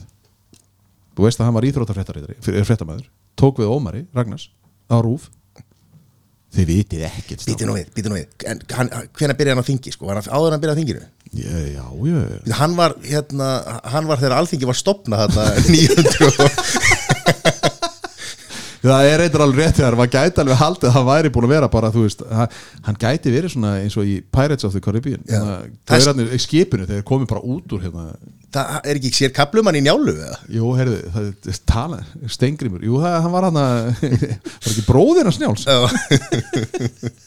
Er það ekki reyfum að Steingrimi? Ég, Ég held nefnilega sko, ba, ég bara, þú veist, eftir, eftir, eftir að hafa búin að að halda sko. Já, það er- það er eitthvað, það er heitt í honum. En veistu það, árið á undan þá var fólk að drekka bjór líki Hvað finnst þér um það? Pilsner og vodki saman? Ég, sko, mér minnir Já, ég held það og ég held að svo reynsla var bara, þú veist, að, að brennivín í kók var bara miklu betra Já. Brennivín í kók, sko, ég læra að drekka með brennivín Já. í kók Já. En í dag þá bara, þú veist, ég fæ bara sko, Sleppurðu brennivíni? Já, þú veist, ég er bara miklu betri þannig Matti sleipir bara kókinu, sko Já, Nei, þi- þú veist, þetta er náttúrulega bara bjóri líki, hvað er það? En auðvitað er þetta náttúrulega suma reglur eru fáralegar en ég, til dæmis, ég er á þeirri skoðan að, að áfengi á bara að vera í veist, ég vil ekki sjá þetta í maturubúðunum mm -hmm. af því ég held að gæðin, þú veist, það verður bara eitthvað svona jökk, þetta fer bara allt niður af því sko. og svo verða eitthvað svona sér hagsmuna gæsla og svo kostar ein viskiflaska 700.000 af því að þetta á að vera eitthvað svo flott Vá hvað þið stöðli bara, Þið bara, hvað, dóið þið þegar ég sagði þetta? Var ég að fara inn á eitthvað Ok, ég, viðkvæmt sko. Nei. Á ég að fara að pissa núna já. Ég var bara, Já, ég, nei, þeir bara ég- drápu mig með augunum. Það eru Nei. svo Ég sá þeir bara augun í ykkur Þeir bara svona, þau bara fölnuð Já, þetta var ekki gott. Ok, nú nuttar hann auga þess að hann hafi gráti En akkur mannst þú eftir að bjórum var leiður? Nei, auðvitað mannstu það. Það fjara. Ég man, besti dag lífsmis Þegar ég fór loksins með pappa í vinnbúðuna Þegar ég var Hann var búin að býða þetta fyrir utan mörgur Nei, nei, ég, hvað, sko Það er að beint um móðumjölkinni Já, þetta er bara, þú veist Endaði líka, þetta er þetta er náttúrulega hugsi ykkur. Þegar að þessi þáttu kemur út Það er, er, er, er kvöldi fyrir, fyrir fyrsta mars. Var það 2019 Já, og þá er, er ammælistafur bjórsins Þá er bjórin 30 ár. Já. hugsi ykkur. Og það var alveg, reynda var alveg, ég var nú alveg þá þetta myndi, Ísland myndi fara til helvíti sko. Og við verðum að fara að taka podcast hérna Podcast átt af fyrsta mars. Nú? Tilefni af. Og ætlaði að vera með hérna stuð og stemmið Já, sjálfsögð fleiri mikrofónur úr kvítahúsinu Nei, við verðum mjögulega bara þrý sko. En það er við- en þetta er nógu stórt podcast, höllin er náttúrulega nógu stór til þess að vera með bara djam Partí. Þetta verður gaman. Ha. En það er svo margt mér þetta, veist, auðvitað er náttúrulega fáralt þegar maður hugsa til þess hvað þetta var svona einhverju kallar veist, sem eru náttúrulega, veist, það er líka til þegar að Ísland fór í hérna, EFTA, nei hvað er þetta, ESA veist, ESB, nei ekki ESB heldur hitt Evrópska efnaðarsfæði EES. EES, þú veist að þá var einhver líka á móti þú veist og svo í dag, hvar er við, við vorum alveg á leiðinni til glötunar, ekki erum við ennþá dáin sko, þannig bara út af einhverju græðki sem við erum dáin sko, en þú veist, ég meina þessi kallar er ennþá á þingi. En þeir náttúrulega eru að, þú veist, aftur steingrimur Hvað er hérna, þessi þáttur farin í ykkur tíu sem Nei, við erum ennþá í 89 sko. Já. Nei, Það, þú- hann byrjaði á bjórnum Við erum að reyna að koma hérna Hvernig var björulegur? 89? 89 Hann var fjögur ára Fyrsta Ertu mars ekki að hlusta á okkur, Matti? Nei Ég, Herri, já, Eigum við, við tveir að tala já, saman við, við vorum, við vorum hvað, hérna Þú ferð, ert í Danmörku og hvenar kemur heim, 95 ég, Nei, ég fór 93 og Fer- kom já. heim 2001 og þá, þá fer ég að hérna, þegar ég kem heim að þá ég semst, fór að læra í hérna, uppbyldisfræði eða pedagóg úti og kem heim og svo fer ég að vinna í félagsmyndstum minni í Kópói og vinna með úlingum þannig að frá 2002 til 2007 er ég að vinna með úlingum og, og hefði alveg, ég var búin að vinna á sambíli ég var búin að leikskóla og veist, ég var búin að prófa allan anskotan vorum komin alltaf með hérna tvíburuna þau fættust 2001 þannig að við þess vegna ákvaða að koma heima því að við vildum að þau myndu upplifa semst fjöll og álfa og tröllasögur og bara alls konar villisu og, og bara hamfarir. Af því að Danir, sko, mesta hamförin sem að Danir myndi lendi í það var sko lestaslis þú veist, það er ekkert er til þess að lenda í þannig í Danmarku sko. Og, og hérna þannig að við svona nei, svo náttúrulega fjölskyldunar hérna sko. Hefði, hefur viljað halda áfram að vera eða hefur viljað búa áfram í Danmarku eða? Við vorum, sko, við hefðum, við bjóð svo vestallega á Jólandi, að við hefðum, vorum að hugsa um að fara til Árósa eða til Kaupanhafnar en það bara svo komið ljós að það var bara jafn dýrt að flytja til Íslands. Já, ok. Eins og að flytja innanlands í Danmarku, þannig að við bara neða, þú veist, svo náttúrulega bara því að börnin, ef að börnin hefði ekki verið komið, sko, þá hefðu kannski farið flutt á milli, það hefði verið alveg fínt, sko. Danir eru, þú veist, þetta er alveg ágætir ágætt þjóð, en þeir eru að kapna og hróka og tala aldrei um okkur Íslendinga og öllum handbóltamótum það var eins og við værum ekki til. Og við unnum alltaf. Eina sem er gott dagur er, er, er hvað, Karlsberg og, og, Túborga? Við skulum ekki skulum ekki hallmæla Karlsberg það er eini drekkandi björn í dag. En, en hérna þeir svo voru hrókin sko þannig að við Íslendingar þetta var bara eins og eh, kannski svona eins og í, í Austur-Európi þar sem að, að sko sagan segir. Þetta, þeir það væri bara hundfúlir að við höfum sagt bara þú veist þið meði bara geta það sem út í frís. Við ætlum bara að vera sjálfstæð og þetta hafi bara verið eins og við höfum bara skorið hjarta úr þeim sko. en þau, þau var alveg saman með okkur. En voru mest hrætti við svíjana af því að svíjar voru náttúrulega svo góður í ísokki, fótbolta handbolta, heinsmistrar og allt svona. En aldrei töluðu um Íslendingana sem að unnuð á alltaf. Það var mjög gott að vera Íslendingu þegar að handbolti var að þeir alveg saman hvað þið sögðu þeir náðu mér aldrei. Nei, og svo náttúrulega lifa er ennþá á þessi 14-2 eða ekki? Eða svona. Já, það er nú svona bara þú veist, ég held að við séum nú aðalega að rifja það upp. En jú reynda þeir kom alltaf inn á það sko, að, að, að þegar að, Ísland tapaði 14-2 sko. En, svo, en sko, og hvað gerði við? þegar Margrét Danadróttin kom í sömar og hún fekk ekki einu svona sko, Ekki teppi. bara, ekki teppi og bara skýt kalt Nei, nei, við lífið ekki líka bara fá að Friðrik þú veist, við erum að hjálpa Friðrik að komast á að, þú veist, þetta er alveg svo hvað er Elisabeth Drottning, hvað er hún, 100 ára? Ha, Kalli Prins, þú veist, hann fær ekki að komast að hann er að vera sko nýraður nei, hann er áttriður, ég, sko, hann heyrði er áttriður hann er, hann er 70 áttrið ég, ég heyri einhvern tímann að, að, að það væri eiginlega bara búið að ákveða það að bara þeim skipa kalla. Já, Harry kæmi bara, nei ekki Harry hérna, hann, Willi já, William. hann, hann vill engin Kalla. Nei, það er, það er einhverjar, en hann vill það sko. Já, Kalli vill þetta, en það er bara, Það er bara fulla rétt að þessu. Svo, svo heyrði ég sko að hérna þegar, þegar hún deyr og ástæðan af hverju hún er ekki að hérna, Að deyja. Já, deyja. Ástæðan hverju hún er ekki að hérna, Að afsala sér hérna, Krúnunni. krúnunni er bara að Breitlanda bara í stökustu vandræðum af því það eru í lögum þá þarf að breyta sko myndinni það er að breyta læginu það, er, það kostar svo ógeðslega mikið að skipta um sko. Herin heitir náttúrulega sko, þetta er her drottningarinnar sko og það þarf að því að það eru kóngu núna þá þarf að fara að breyta öllu drasli. Já, það er náttúrulega, þeirra sétt, já. Heyri, þeir eftir að selja sko bara þá fleiri hérna bolla og, og einhverja myndir eins og þeir selja kringum þessi brúðkaup og þetta. þegar við vorum að gera upp dánabúðið mömmu og pappa og veist, ræða hvað við fundum marga kökudunga sem voru með smettinu á þeim á hérna, þú veist, svona royal cookies eitthvað, hvað er það? Ha, og þetta selduðu bara í bílförmum og fólk eitthvað, já þetta er svona breskar eðalkökur eða bara jafnvondis og hvað annað þú veist, þú kaupir í bónus eða eitthvað. Ha, með smettinu og betu drottningu bara hann að vera framann og hvað funduð þetta? Hvað, byrju, hvað, hérna, ég, það var bara, þú veist, svo voru mamma að geima kökur í þessu. Já, já, já, já, já var þetta kökuboks köku- já, já, ég Ég spila meina, að þú vera kökurnar sko, ég bara eldgamur Mattias var nú staðsettur í, í hérna, London þegar að Harry. Harry gifti sig og hann var mættu bara beina útsendingu og hann er morgun okkur bar og allt vilja varstu með beina útsendingu í podcastinu bara? Nei, þá vorum við ekki hérna, það var ekki verið þá held ég, eða hvernig var það? var þetta ekki fyrir þetta var í sumar. Nei, þetta var hérna, þetta var Já, sama í fyrra. tíma. Sama tíma á hérna úrslelegarni í FA Cup það var. Já, síðasta vor. Til að það verið nett að vera með beina útsendingu í Hugmyndin var- podcasti frá hérna. Já, frá London. Hugmyndin var nú alveg Mattias komin og Óskarsson græjurnar- tala frá London eitthvað, eitthvað græjurnar svona. voru örgulega komna líka. Það var- Harry er í svörtum fötum með hvítum bóðungi það allir, voru allir að horfa á þetta hérna live hvort þið er hérna heima sko, hann, en hugsa hvað þetta er grilla samt. Mm -hmm. að vera að horfa á okkur fólk sem á að vera með blátt blóð í æðum sko. Já, sem að sko allir skildir að því að hérna, einhvern veginn á hérna, miðöldum hana voru bara allir að giftast frængu sinni og, og, og sístu sinni og eitthvað til þess að halda einhverju konungborðu þetta er svo grilla þetta er svo grilla, þú veist, hafið þið hort á The Crown þú veist á Netflix, þetta er bara að Nei, sjá, ég er sko, sjá og sjá sko hvað hérna eins og þegar hún tekur við, sko, hvað hún mátti og þeir bara, svo var bara kallarni bara einhver, bara, þú veist, einhver stelpu skotta, þú veist, og svo bara síndi hún þeim, þetta er alveg fanta kelling, sko, og eins og Matti, sko. Mattias var að upplýsa okkur um að hún er ekki dáin að því að það þarf að, hérna, að skipta um mig. Hún er svo klár, hún ætla bara að vera það sem eftir er æfinar, bara, hún verður 170 Nei, en ég minna, en ég held að þetta sé sko að breska þjóðin er náttúrulega bara brjáluð út í kalla af því að hann fór svo illa með díjanu Af því að díjana var náttúrulega bara, veist, hún var veist, kellingi var náttúrulega alveg crazy þegar að, að díjana deyr af því að hún ætlaði bara ekkert að gera hún ætlaði ekkert að beigja sig fyrir hérna, sko fólki vildi að, að drottningi tæki þátt í þessu af því að, að Díana var náttúrulega prinsessa, þá hún var talað um hana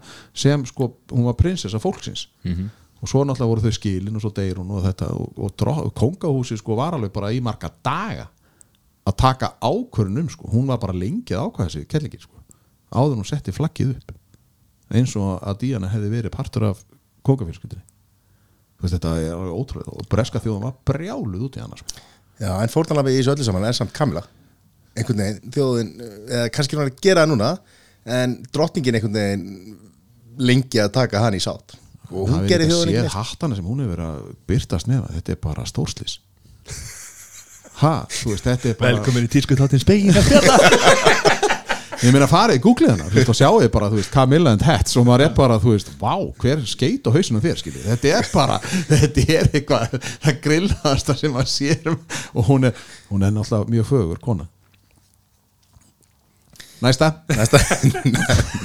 Næ, við, við, hvað vorum við 2001 þegar þú kemur heim vorum við komin nei, hana? já, ég, búin að, ég, við? ég er búin að vinna í ég, sérst, minn ferill er bara það, ég byrja að vinna í félagsmyndstöðum 2001 til 2007 hérna í Kópói svo færi ég mig yfir til Reykjavíkur og er búin að vera þar í fyrst í Frostaskjóli frístundumistunni í Frostaskjóli og núna heiti staðurinn frístundumistunni Tjörnin.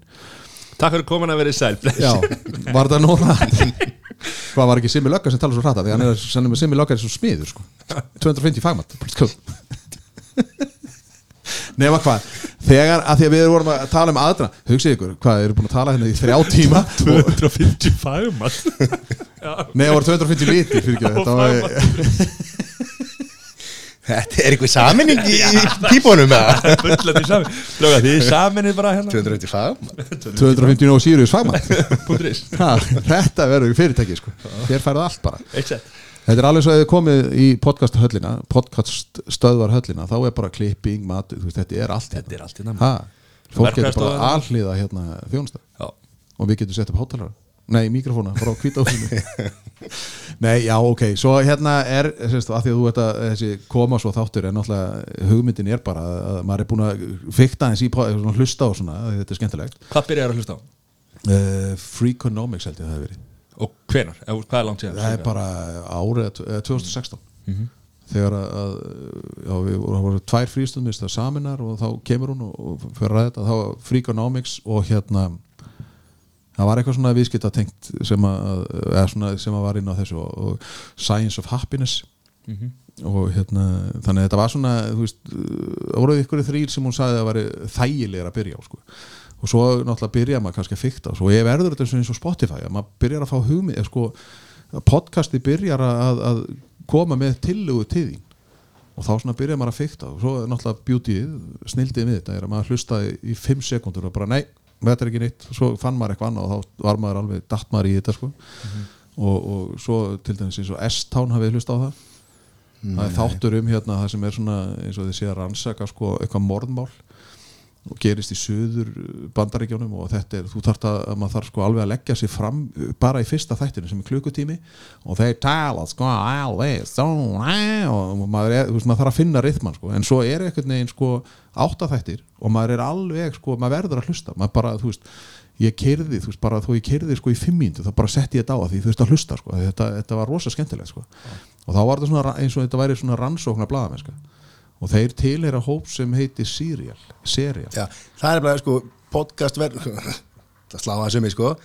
Ég á, á, á tölupóst frá 2008 þar sem ég sendi á á Jóhannes Ásbjörnsson uh, þegar þeir voru með morgun þátt á bylginni hvenar þeir ætlu að setja þáttinn á hlaðvarpsform.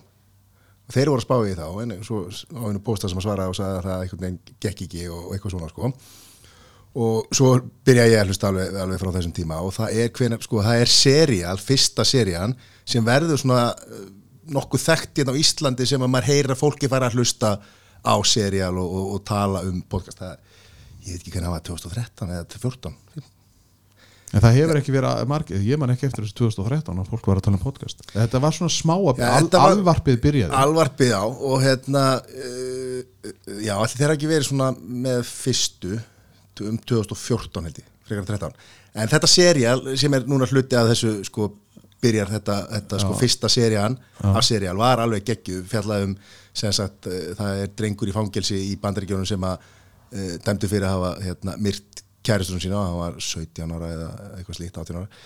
Og uh, það er sem sagt þetta er náttúrulega bara sannsögulegt og hann er ennþá í fangilsi og það er verið að varpa, reyna að varpa ljósi á það eða gefa hlustandanum tækifara á að svona mynda sér skoðun af því hvort hann hafi myrtan eða ekki sko. þetta, það eru dregnar upp tvær, veist, þetta eru sannanirnar, Já, þetta ok, var ekki já, já. sko veist þetta var órannsakað og, og, og þessi sönnun og gögn eh, hugsalega spilt eða, eða eitthvað slíkt og, og svo endar serían þannig, ég er nú ekkert að ljóstur upp neina lindamálum, þetta er nú hérna orðið gamalt endar þannig að sko þú ert eiginlega bara í lausu lofti sko, þú getur eiginlega ekki ákveði hvort að hann, eh, sem sagt, hvort að hann sé segur bara svipa á hérna, Stephen Ivory í hérna, Netflix sem að heitir hérna Netflix þannir Já, hérna, Steve Ivory? Matti Horfur ykkur Netflix, heldur? Jú, ég, þú veist Jú, hvað þetta er að tala um það ekki? Nei. Steve Ivory?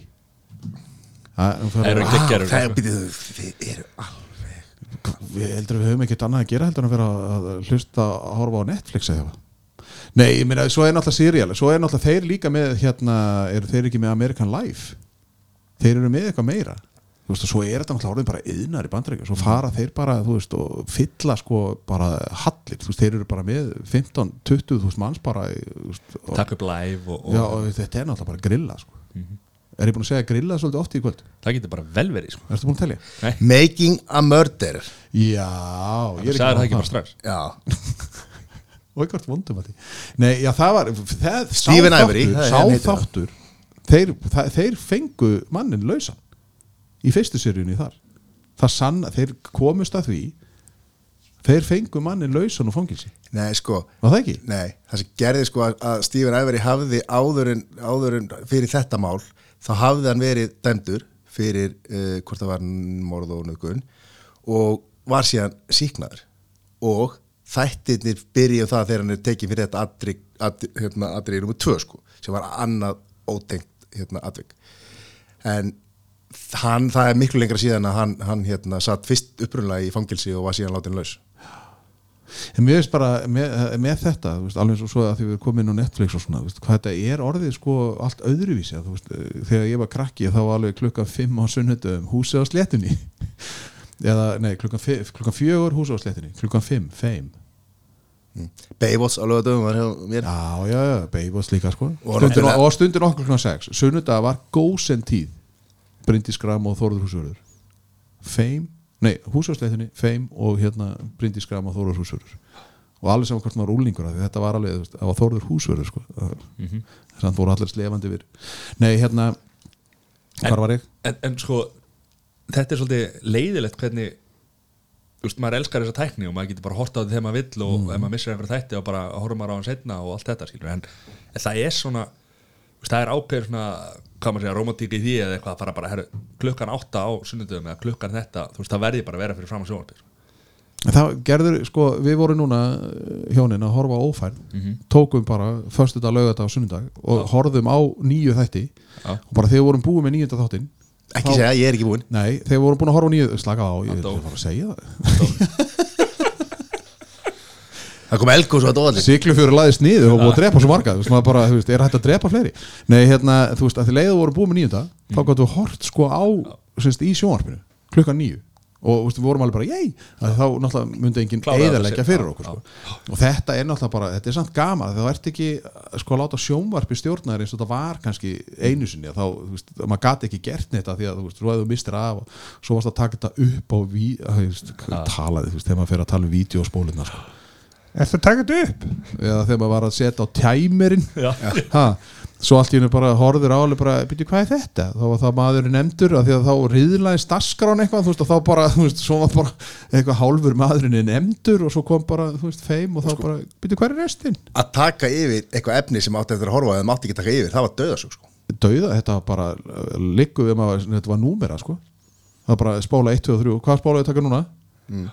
Og svo, svo komum við videotækin urðu þarna svona digitalega stafræn og þá áttur að geta sett eitthvað það var í, í, í, í dagskrá vikunar, var eitthvað númer og ef þú stimplaðir númerið á videotæki þá byrjaði það sjálfkrafa sko að taka upp sko. En það gekk aldrei af því að það, ég veit ekki hvernig kerri var en það byrjaði að taka upp á einhverju tíma. Og annarkvort var þátturinn byrjaður eða sko eða þú mistir á endanum eða eitthvað svona, þetta var svona tækni sem kom en fungeraði En var það, aldrei. er það ekki svolítið skrítið það því að við vorum alltaf með hérna loftnitin veist, loftnitin bandarækjumenn, þeir eru búin að gera þetta í mörg ár. Ég- að vera með svona kóða. Já, já, þetta virka, þetta fungeraði aldrei á Íslandi sko, held ég. En ég held samt, ég held samt að þetta er sko að því að, að hlaðvarpi er bara þannig að þú bara, þú veist, ég, það sem ég hef uppgötað með mitt, minn þátt það er bara, fólk er svona að, a, að það hefur enginn gert þetta og b, sko, að það, það, þetta er náttúrulega endalaust, svo bara, þú veist, eins og ég segi þú bara hlustar eða ekki og, og sko flóran sem maður getur tala við og um og hvernig þú setur, auðvitað þarf þetta náttúrulega að vita hvað þú ert að gera, þú veður ekkert bara í þetta og svo rekur mikrofónu upp í mannin og bara, já, já, hvað er þú? Og svo Ekki sem við gerum þetta. Jú, það, ég meina, þið, sko, þið eru með, þetta er bara ágætt, veist, það er bara, svona viljið þið gera þetta, skilur. Tölum aðeins um, um þáttinn. Það er- Við erum búin að tala svo lengi sko að að hlustendur, bara þau, þeir mun ekki hva, hvað það var nákvæmlega sko en, en við skulum Verið velkomin í hlaðvarsþáttin Koma svo. Ég heiti Híðin Sveinbjörnsson og fæ til mín góða gesti sem vinna á einhvern hátt að málefnu barna og ólinga. Það er ósk mín að þátturinn Koma svo virki sem pepp fyrir foreldra, fagfólk og aðra sem hafa áhuga á málefninu því eins og við vitum þá þarf heilt þorp til að ala upp einstakling.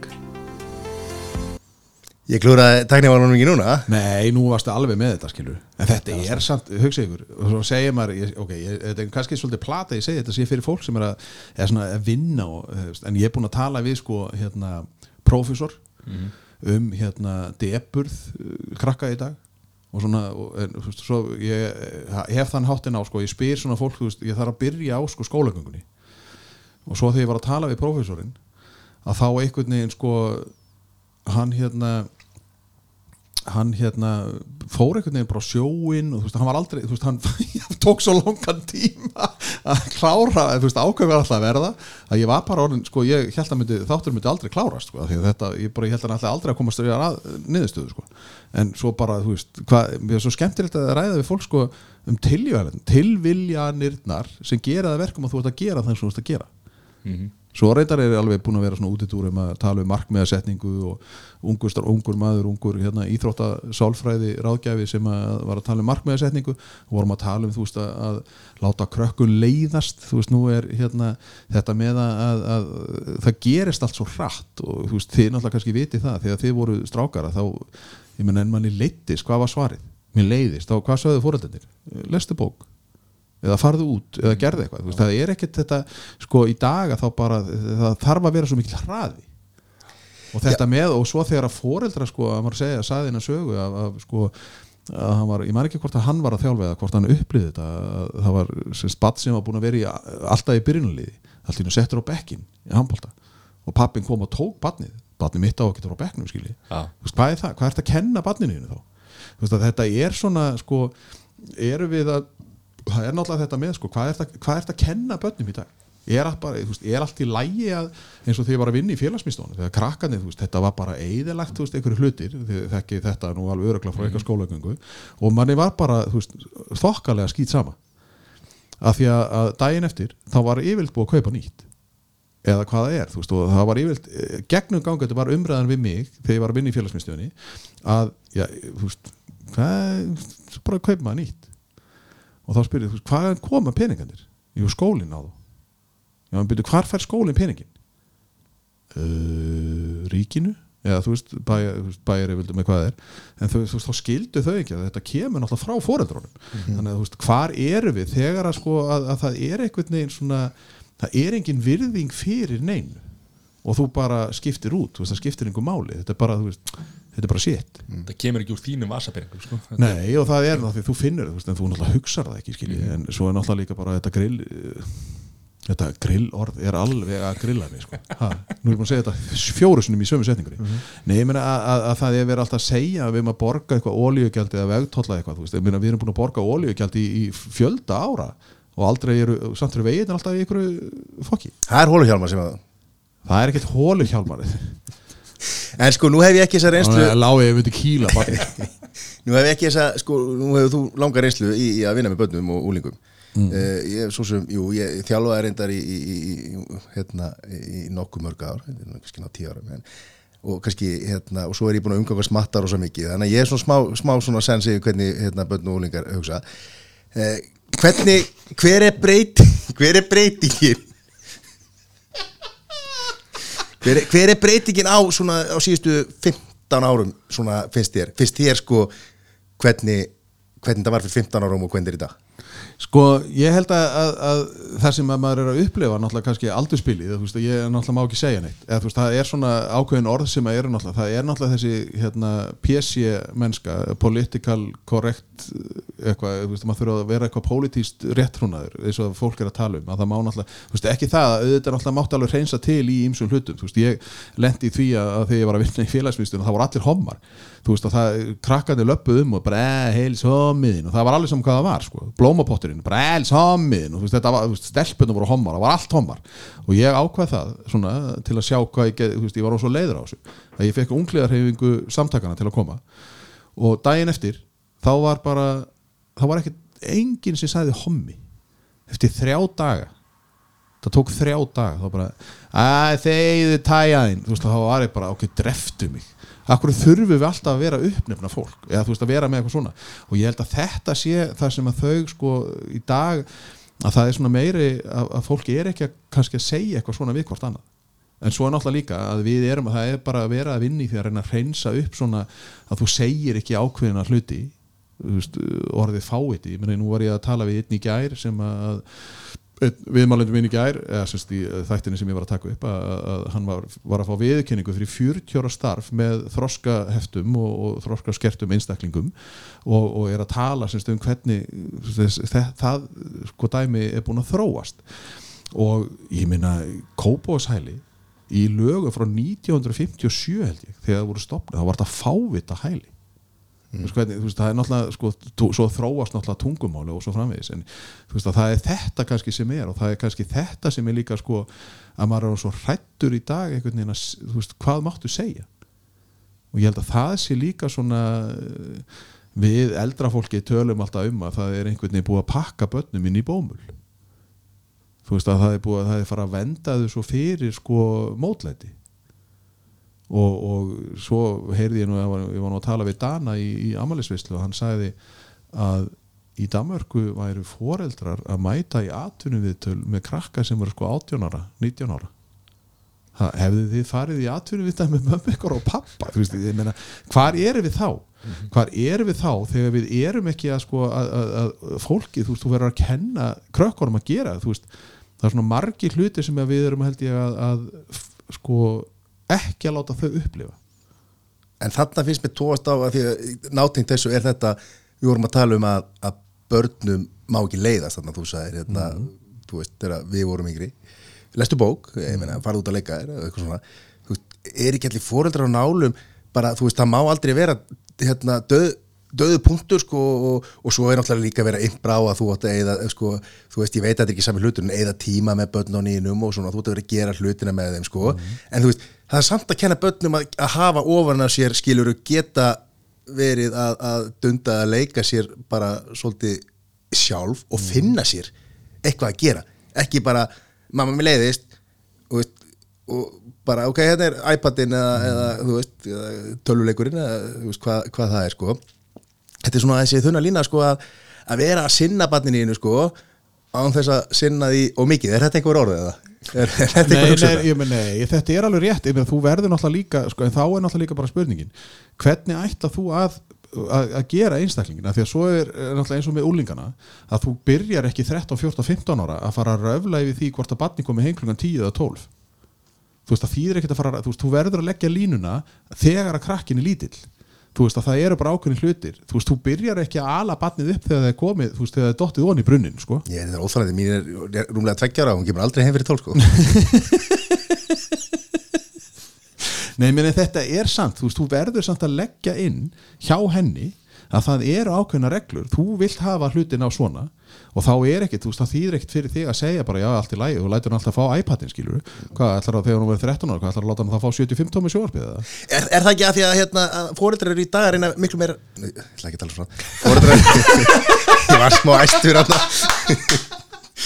Er ekki fóreldrar í dag að reyna að vera vi, svo miklu vinir hérna, og gleyma kannski gleyma þessari sko, að þú ert fóreldri og þú ert sko, stjórnandi og þú ert sko, ábyrðaðali og, og, og þú, veist, þú ert ekki á sama leveli sko. Jó, Þú svo- að, þú svo- þarft að setja mörg og, og, og stjórna sko. En er ekki líka að þú sem foreldri þú þarft að vinna þú þarft að, þú veist, margir foreldrar eru náttúrulega bara döðþreytir og eru að vinna kannski frá 8 til 5 af því að það er bara krafan að þú þarft að vinna svo þarft að sinna sjálfið þér þú þarft að fara í núvitundun, jóka og þú þarft að fara í ræktina og eitthvað svoleiðis en ég meina þá er náttúrulega, hvenar er tími fyrir börnin því að þú þarft náttúrulega sko, þú þarft að ná í barnið á leikskólan segjum við það, eins og þú ert að gera með vantilega dóttið þína, þú nærði hann á leikskólan og síðan er, hvað er barnið vakandi til átta? Við gleymum við reynda stundum, svolítið, að náðu ég Nei, nei, nei, nei, já, ég er alveg saman Þú, þú, ert, þú ert svolítið, nú ert að ganga beint í skóla hérna við að skuða og svona Það er búið að stopna hana Það er búið að stopna hana væða bönni nú. Nei, sko, ég held að þetta sé ekki það. Ég held að þetta sé það að við, sko, foreldra þú veist að þetta er einhvern veginn þetta fer þegar þú ert að tala um, veist, við náttúrulega að því að við vorum með tvíbur og þá kannski urðu við einhvern veginn að setja upp í skema, þú veist, að maður gat bara ekkert þú veist, gert hvað sem er af því að þá hefðu þau náttúrulega bara kannski, þetta voru stelp og strákur og þú veist, maður veit ekkert hvernig einstaklinga þau verða.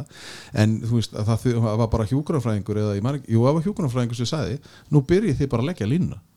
Bara leggið þið í rúmi klukkan átta og jú, við gerðum það. Ég meina, svo var náttúrulega öskrað alveg sko, fyrstu, fyrstu vikun held ég, það var öskrað til tíu. En á endanum þá sopnuðu þau. Síðan bara þegar að við þau urðu eldri þá bara, já, nú byrja fullunastímin og þá fóru þau bara inn í herbyggi klukkan átta, þau þurftu ekki að fara að sofa. Ég er fáið að vita meira hvað gerist á fullorðstíma þá voru við að horfa til dæmis á sjónvarpið. Já, ég, ég, nei, ég, ég ætla að tala um eitthvað allt annað. Já, nei, það var, já. Hvað lag er þá? When the going gets tough. Nei, þú veist, þetta, þetta er bara spurningum að þú þarft að, að ákveða hvernig, þú veist, að því að, að ef þú ætlar að, að vera alltaf í stressi og hvernig bitnar það? og bitnar það vænt að þú veist að kaupa því frið með því að láta iPadin og svo framvegis. Í staðin fyrir að segja, ok, ég ætla veist, að veita barninu aðtekli eða þú veist, þetta með að, veist, að þegar ég var að þjálfa fótbolta, ég meni ég fóð með 40 stelpur á pæjumót og við vorum tvö þegar ég kem frá Danmörku og strákurinn minn fyrir að byrja, byrja að spila fótbolta og ég var að fara á eitthvað, eitthvað skagamót, norðurál eða eitthvað, ég, veit ekki hvað það heitir að þá bara voru 7000 foreldrar með börnunum. Það bara þeirra tveir með hverju og, og, og, og, vina fólk okkar þú veist, strákurinn þeirra var að fara á eitthvað mót á Akureyri, þetta var bara það þurfti að leia sumabústaði í viku og þú þurftir bara eiga sumafrístag og, allt í henni þá bara þú veist, ég, þetta er bara 200 skall En er, er, þe- þetta er búið að breyta svo mikið að því að sko eins og þegar ég var að æfa handbólta á svona sko þá kom einn og einn fóreldri Já. og það var líka við hort svona, hotni á þann fóreldri sem kom og horfði á sko. Því hann var að öskra inn á völlinu og eitthvað svona skilur núna er bara fólk dæmt eða mætir ekki sko hefur þú engan áhuga á barninu þínu? Og það er- þetta ekki hérna að horfa á alla leiki og alltaf og það er, maðurinn þetta er náttúrulega ákveðin punktur af því, ég meina hvað, þú veist, ég maður átt að fara með stráknum á æfingu og ég meina, ég sá sama hlutin 7897 sinnum og ég meina hvað átti ég að hrósunum fyrir að sparki boltan hvert einasta skipti þá náttúrulega þú getur hrósa um, eða, þú veist, auðvitað þarf það, þú, það, það þarf að vera eitthvað bak við hrósið sko. Þannig að veist, ég held að þetta sé bara þetta er orðið flókið að vera fóreldri að því að svo nákvæmlega þú segir að þú gerir eitthvað og þá er alltaf einhverju aðri sem geta dæmt þig og það eru til einhverja grúpur á Facebook sem er eitthvað svona, veist, maður er bara veist, hvernig væri nú bara að nota common sense í þessu Svo hvað finnst þér? svo kemur, svo kemur sko og vinnumarkaðin er að lendi þessu núna að unga fólki sem er að koma inn á vinnumarkaðin það vil bara fá hrós eða mætur á réttum tíma sko. Já, já, ég minn og svo er náttúrulega líka bara þetta með að, að, að, að ef maður svolítið, breytir aðeins tóna, tóninum í röttinni sko, þá er bara, akkur þetta skamma mig? Mhm. uh, Nei, ég var ekki skamma það, það, það, það er svo marg, þá er náttúrulega eitthvað komið út í sálfræði, þú veist, að það er X-kynsluðin og Ursulun-kynsluðin og Baby Boomers og allt þetta, sko. Svo bara og sæður og öskra þetta maður lær bara hjá Já, maður bara, veist, það er bara Fyrir ekki, ætla að gera þér. Nei, en, en þetta er bara, þetta er mjög áhugavert að tala við fólk, eins og að tala við hennar prófessor, svo tala við hérna konu sem er með mikið inn í tónlist og hvernig tónlist getur haft á krakka og hvernig þú hjalar við badn þegar badn byrja að hjala, þetta er náttúrulega svona tilfinning sem við þekkjum öll sem eignusbörn að þegar að badni byrjar að, svona, og maður sér náttúrulega skviljón eh, YouTube myndbönd af einhverju börni sem er og svo byrjar eitthvað, þú ferð bara í eitthvað svona eitthvað undarlegt mót sem er bara og svo byrjar að svara og hvað gerist, badni brosir og hlær. Og þá gerur þú meira. Og svo eins og hún var að tala um þá fer þetta náttúrulega líka bara eftir hvað þú ert að kenna badninu af því að þú náttúrulega ert að, þá ert að kenna badninu svona blíðlegt viðmót skiluði að þú fer ekki að svara badninu já farði nú að lesa bók. Og þú veist að þá bara að, þú fer að badni, hvað gerir badnið? Já það fer að grenja. Þú veist þannig að það er svo margt í þessu og það er svo margt skemmtilegt sem að getur sko mér langar að, að með þessu að fólk svona heyri veist að það er fullt af hlutum að gerast og það er svona eitthvað sem að getur tekið ákvörðin en, en eitt sem að ég bara legg miklu áherslu og segi þú, getur ekki byrja að ala batnið þetta upp þegar það er 13-14 ára. Það er svolítið seint. Þú verður náttúrulega að leggja línuna á undan af því að hver oft er það ekki þannig? Ég, fór oft með krakkana í búð og við veist, þið vælið ekki um neitt. Og ef að, e, það var eitthvað skip ef þú segir og ætlar að fara með barnið ef þú ferð að væla ferði með út í bíl barnið mitt gerði þetta einu sinni og ég fór bara með það út í bíl. Og ég satt bara með því þá kona var búin að vesla. Ég held að barnið gerði þetta ekki aftur sko svo einu sinni var ég í röð þar sem að barn var alveg þú veist, ég var, þú veist, það láfið ég lappaði að fóröldur og sagði bara, nennur þá ekki að fara með krakkan út? Þú veist, þú var búin að segja þetta 20 sinnum. Þú getur ekki sagt eitthvað svona. Ég skal gera nei, þú- nei, menn þú verður að standa við það skilur. Það er verður að vera eitthvað. Þetta, og þetta er eins og, eins og við vorum að tala um að því að, nú er náttúrulega kannski mikið um, rætt um þetta klaustursmál. Og, og hvað erum við að sína þú heldur bara áfram það er bara að ég tek, jú ég tek frí þú veist, ég fer í meðferð þú veist, þeir kalla þetta að fara í meðferð og svo koma þær aftur að þinga eins og voru vola fínir herrar. En ég meina hvaða afleðingar það er engar afleðingar og þú veist hver er afleðingin ef þú keirir yfir á rauðu? Þú borgar 50 skrónir í sekt eða eitthvað. Samt er fullt af fólki sem keirir á rauðu af því það sér engin þig. Af því það er bara miðjanótt og eitthvað svona. En það er ástæðan fyrir því að það er rautt ljós þú veist og svo er einhvern veginn það sem við erum snillingar í að við erum með eitthvað reglur en svo fylgir þeim. Og þá ertu náttúrulega, hvað ertu að kenna fólki? Þú veist, ég held að við bara veist, þetta er einhvern veginn fáð, þú veist, þú máttu bara eða ekki hluti og það er aldrei afleðingar ég er ekki að segja, þú veist, þetta náttúrulega getur alveg verið, þú veist, sögumir eru náttúrulega bara þannig þeir hafa mjög gaman að ekki hluti og eru bara þannig, þú veist, það er bara þannig. Nei, menn að svo kemur kannski fyrir að þú gerir eitthvað. Auðvitað þá er náttúrulega annarkvort sko, þetta með að þá við verðum að, að, að bera ábyrð og ég held að það sé bara ekki, við erum bara ekki þannig þjóða, það er einhvern veginn alltaf bara einhver öðrum að kenna og svo er bara bent fingur og það ber engin ábyrð og engar afleðingar fyrir hvort sem að þú ert að saka eitthvað um eitthvað sem að þú gerði kannski ég segi bara, "Ah, bara sagði þú að gera þetta. Hmm. þó að ég hef gert það skilur og hann lendir ekki inn einu og ég lendir ekki inn einu og þetta bara svona hverfur eitthvað. Já. þú veist það er ekki afleðingar ég er bara hér ég menna horfið að einildi þú veist þetta er eins og þetta hefur verið gert sko. Þá er, þá er alltaf einhvern veginn hérna sko þólandin endar oft á tíðum eða hefur gert það, ég veit ekki, þú veist það er langt síðan að maður hefur svo sem verið í þessu svona umhverfi en, en ég meina það var alltaf þannig að þólandi þú veist að endanum að flutti þólandin mm -hmm. Akkur fekk gerandin að vera í skólanum? Veist, af hverju var í rauninni sko þessi hegðun að, þú veist, akkur segjum við ekki bara heyrðu fyrir ekki, þú ert búin að leggja einildi það er bara allir að vera geðið við grina, þú ert að fara bara upp í sveit. Eða þú veist að það sé eitthvað svona, akkur, það er ekkert eðlilegt að við séum og svo eins og núna í miðlum að það er bara veist, að lesa komment hérna á vissum miðlum. Þú veist, þetta, við erum ekkert að tala um eitthvað sko, það er ekkert verið, já, æ, hann á nú erfiðan dag, þú veist, það er bara drullað yfir og þetta lesa börnin. Já. og Út ef að fullotna fólki má þetta, má, þá má ég þetta. Út að kalla því að orðum fylgir ábyrð Já, og það er náttúrulega bara þú veist, alveg eins og, og hérna einhver tíma þau sögðu að ég væri svo leðilegur krakkandir í félagsmyndstöðinni og ég leiði, já, en þið komið alltaf aftur og aftur og aftur. Jú, það er að því þú ert svo fyndin og þú veist, ég, meina, og ég var alveg, þú veist, akkur, ég skildi ekki. Þú veist, að, þú veist, þú mátt ekki segja svona við okkur. Nú akkur mátt þú segja þetta við mig? Þú veist, þannig, skiljið, þetta, þetta er bara þú kemur fram eins og, og eða þá eins og einelti það er náttúrulega, þú veist, hefur verið gjaldfelt alveg massíft núna alveg á útlenska orðið. Eða þú veist, einelti er orðið svolítið útþynd uh, vinir, vinátta þú veist, að því þú veist, náttúrulega Facebook vinur Messenger vinur, MSN vinur eða hvað þetta var alltaf vinur, sko. Og svo komu eins og krakkarnir okkar voru, uh, þú veist, verði að vera vinu þessa, þú veist, nei, en þú kemur fram við viðkomandi eins og þú vilt að aðri komi fram við þig. Þú veist, við, þú veist, sko, það er ekkert bara þá, jarð, þú veist, viðkomandi er ekkert jarðað nei, en ekki voru vinnu þinn, faraði, fokka þér.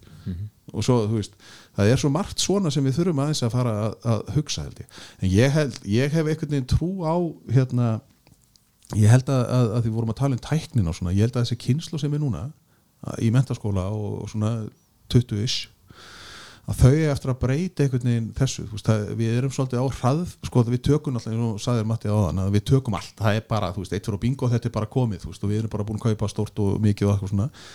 Ég held að þessi kynsla sem er komandi kynsla hún á eftir að róa okkur niður aftur sko.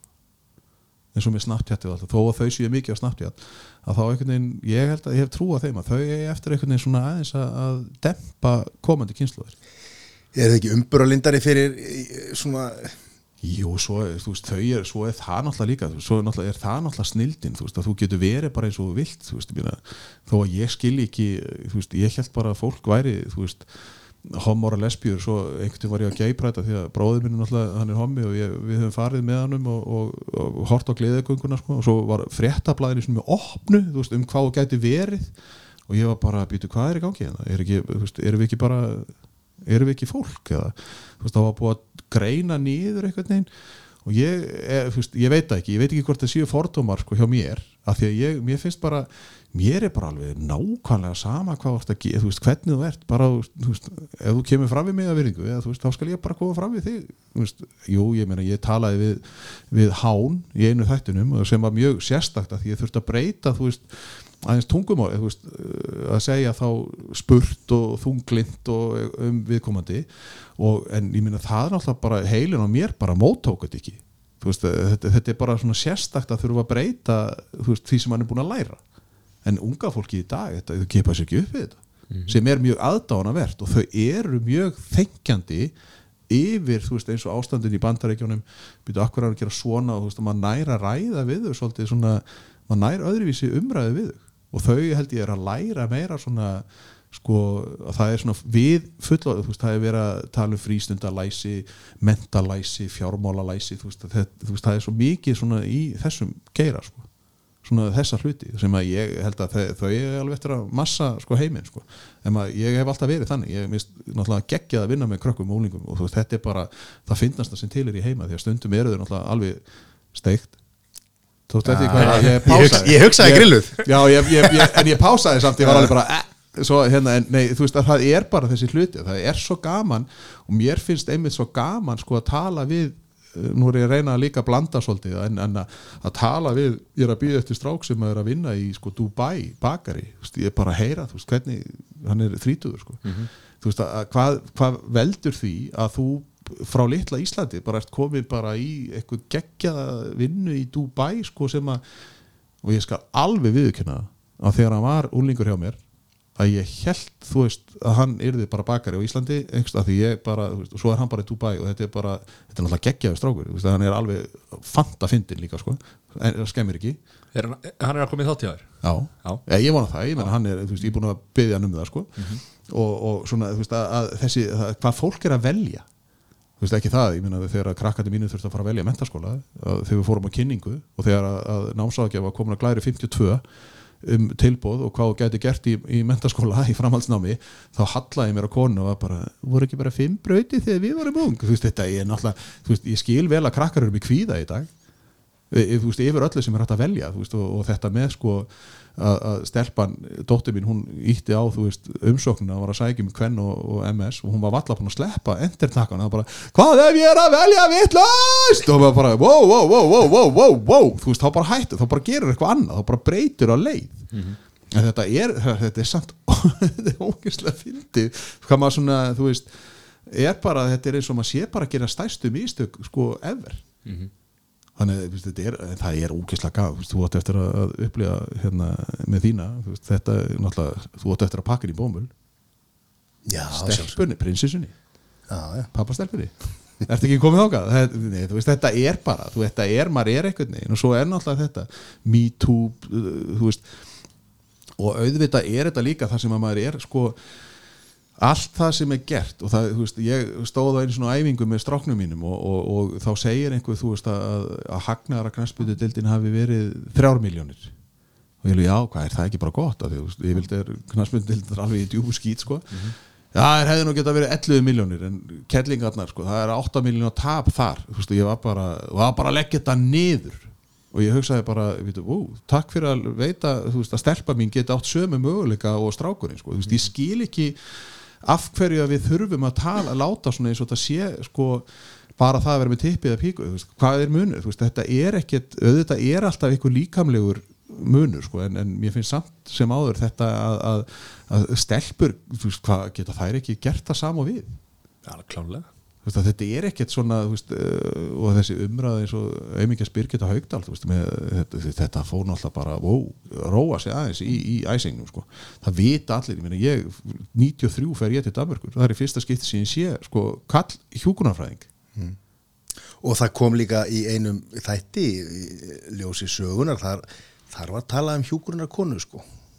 En það er ekki blásið neitt upp sko Nei, ég minna, og svo er náttúrulega bróður hans Sóla Holm, hann fór á spítalar og hann síndi, þú veist, af napp, neðarnappinum þú veist, eða það sem þú vart að kalla á aðstofa meina, það var manneskja í kjól ég meina, þú veist, þetta, við erum náttúrulega, sko, þetta gerist ekki á einni nóttu, þessar breytingar, en ég meina ég, veist bara að tækifæri þurfa að vera jöfn, það má ekki, sko að, að fyndið að segja frá því þegar ég flytti Danmarkur, svona, og þetta er náttúrulega handbóltaþjóð, þeir segjast að fundið um handbóltan, sem að mögulega þið gerðu að, að á laugadags eftirmiðdegi það var ekki verið að sína kallahandbólta það var verið að sína stelpunar mm -hmm. hvernahandbólta og þetta var geggjaðu bólti þú veist, svona maður sá uh, takta og svona, þetta var svona því köllu þetta svolítið svona kampænisbólti sko, það var öll triksin og eitthvað svona á meðan kallaboltin er miklu hraðar eða svona hann er svona grófari þú veist að það, eitthvað þetta er bara þú veist, tjung tjung og þú veist, maður er bara eins og tennisvelli sko, þetta er bara búið, þú veist, ó, skoruður þú veist, en á meðan stelpunar svona þú veist, maður sá uppbygginguna og, þetta, og svo urðu dönsku stelpunar olimpíumistarar og þú veist, allt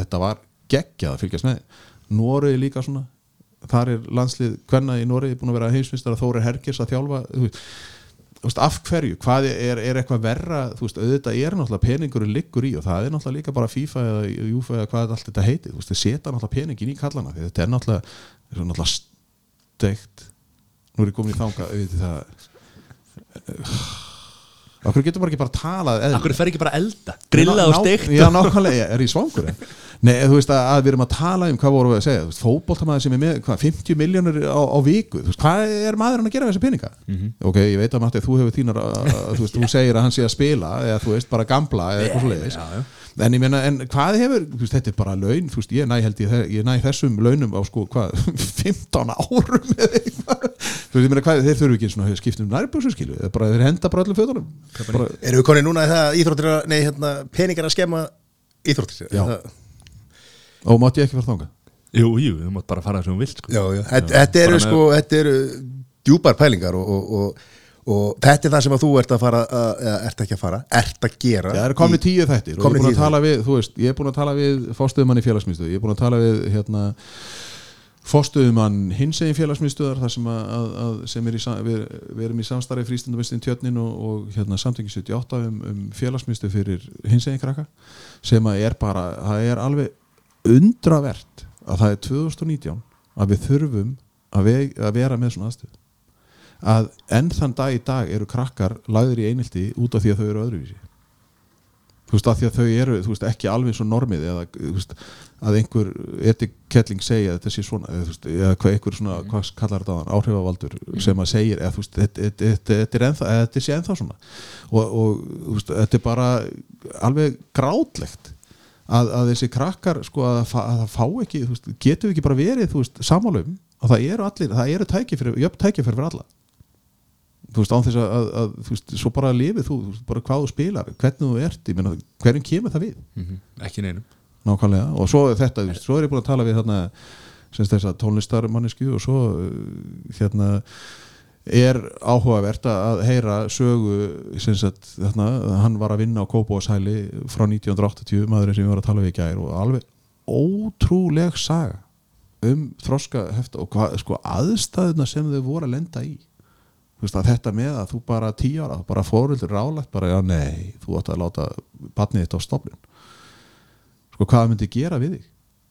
Þú veist, að, að, að, að þú veist, hvernig þetta var hvernig var hugsað um fólk? Þetta, þetta voru eins og þau voru dýr.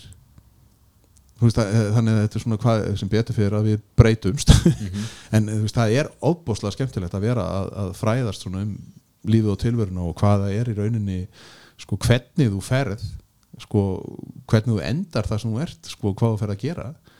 Ég var að tala við konu um Pieta samtökin sem eru hérna svona varðandi sjálfsvíg og þunglindi og svo leiðis og, og hún bara mentaðasta kona sem ég nokk tíma æfinni rætt við að því ég var alltaf að spyrja henni alveg og núna fórst að vinna?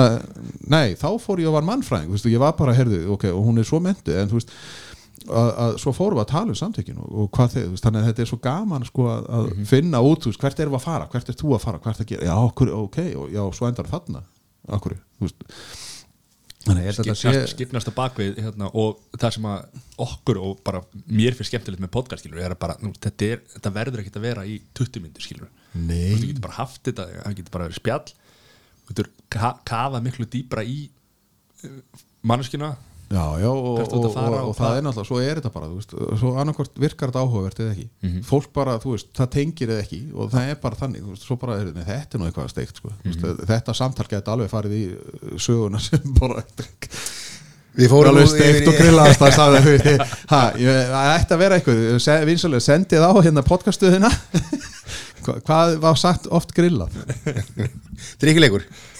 Svona, já, heyrðu, eða þá að vera með velun Það er eitt sett á borðinu hérna. Sá sem að kemur með rétt, hann fær eitt sett. Heri, Það er bara frábært að fá þig í, í samstarf komin í, hérna gott samstarfi, podcaststöðuna sem verður vonandi farsæld Ég, Þetta verður, eh, steiktari menn hef ég bara ekki hitt á æfinni og sem er vel að því að ég er náttúrulega svo grillaði sjálfur. Já, já, já. Þannig að ég verið sem nota bæði Það orðin voru, voru, var, hérna, voru, voru góð góð lokaður Já, Hér Sveipinsson, þakka að kjallaði fyrir komuna. Já, takk fyrir að við leiðum mér að vera vegna ég verð með, með, með hérna, áframhaldandi þætti á, á hérna, næstunni. Og við mælum með að fólk subscribe hérna koma svo. Þetta er á öllum, öllum helstu hlaðvarps veitum og hlusti, þetta er mjög áhugavert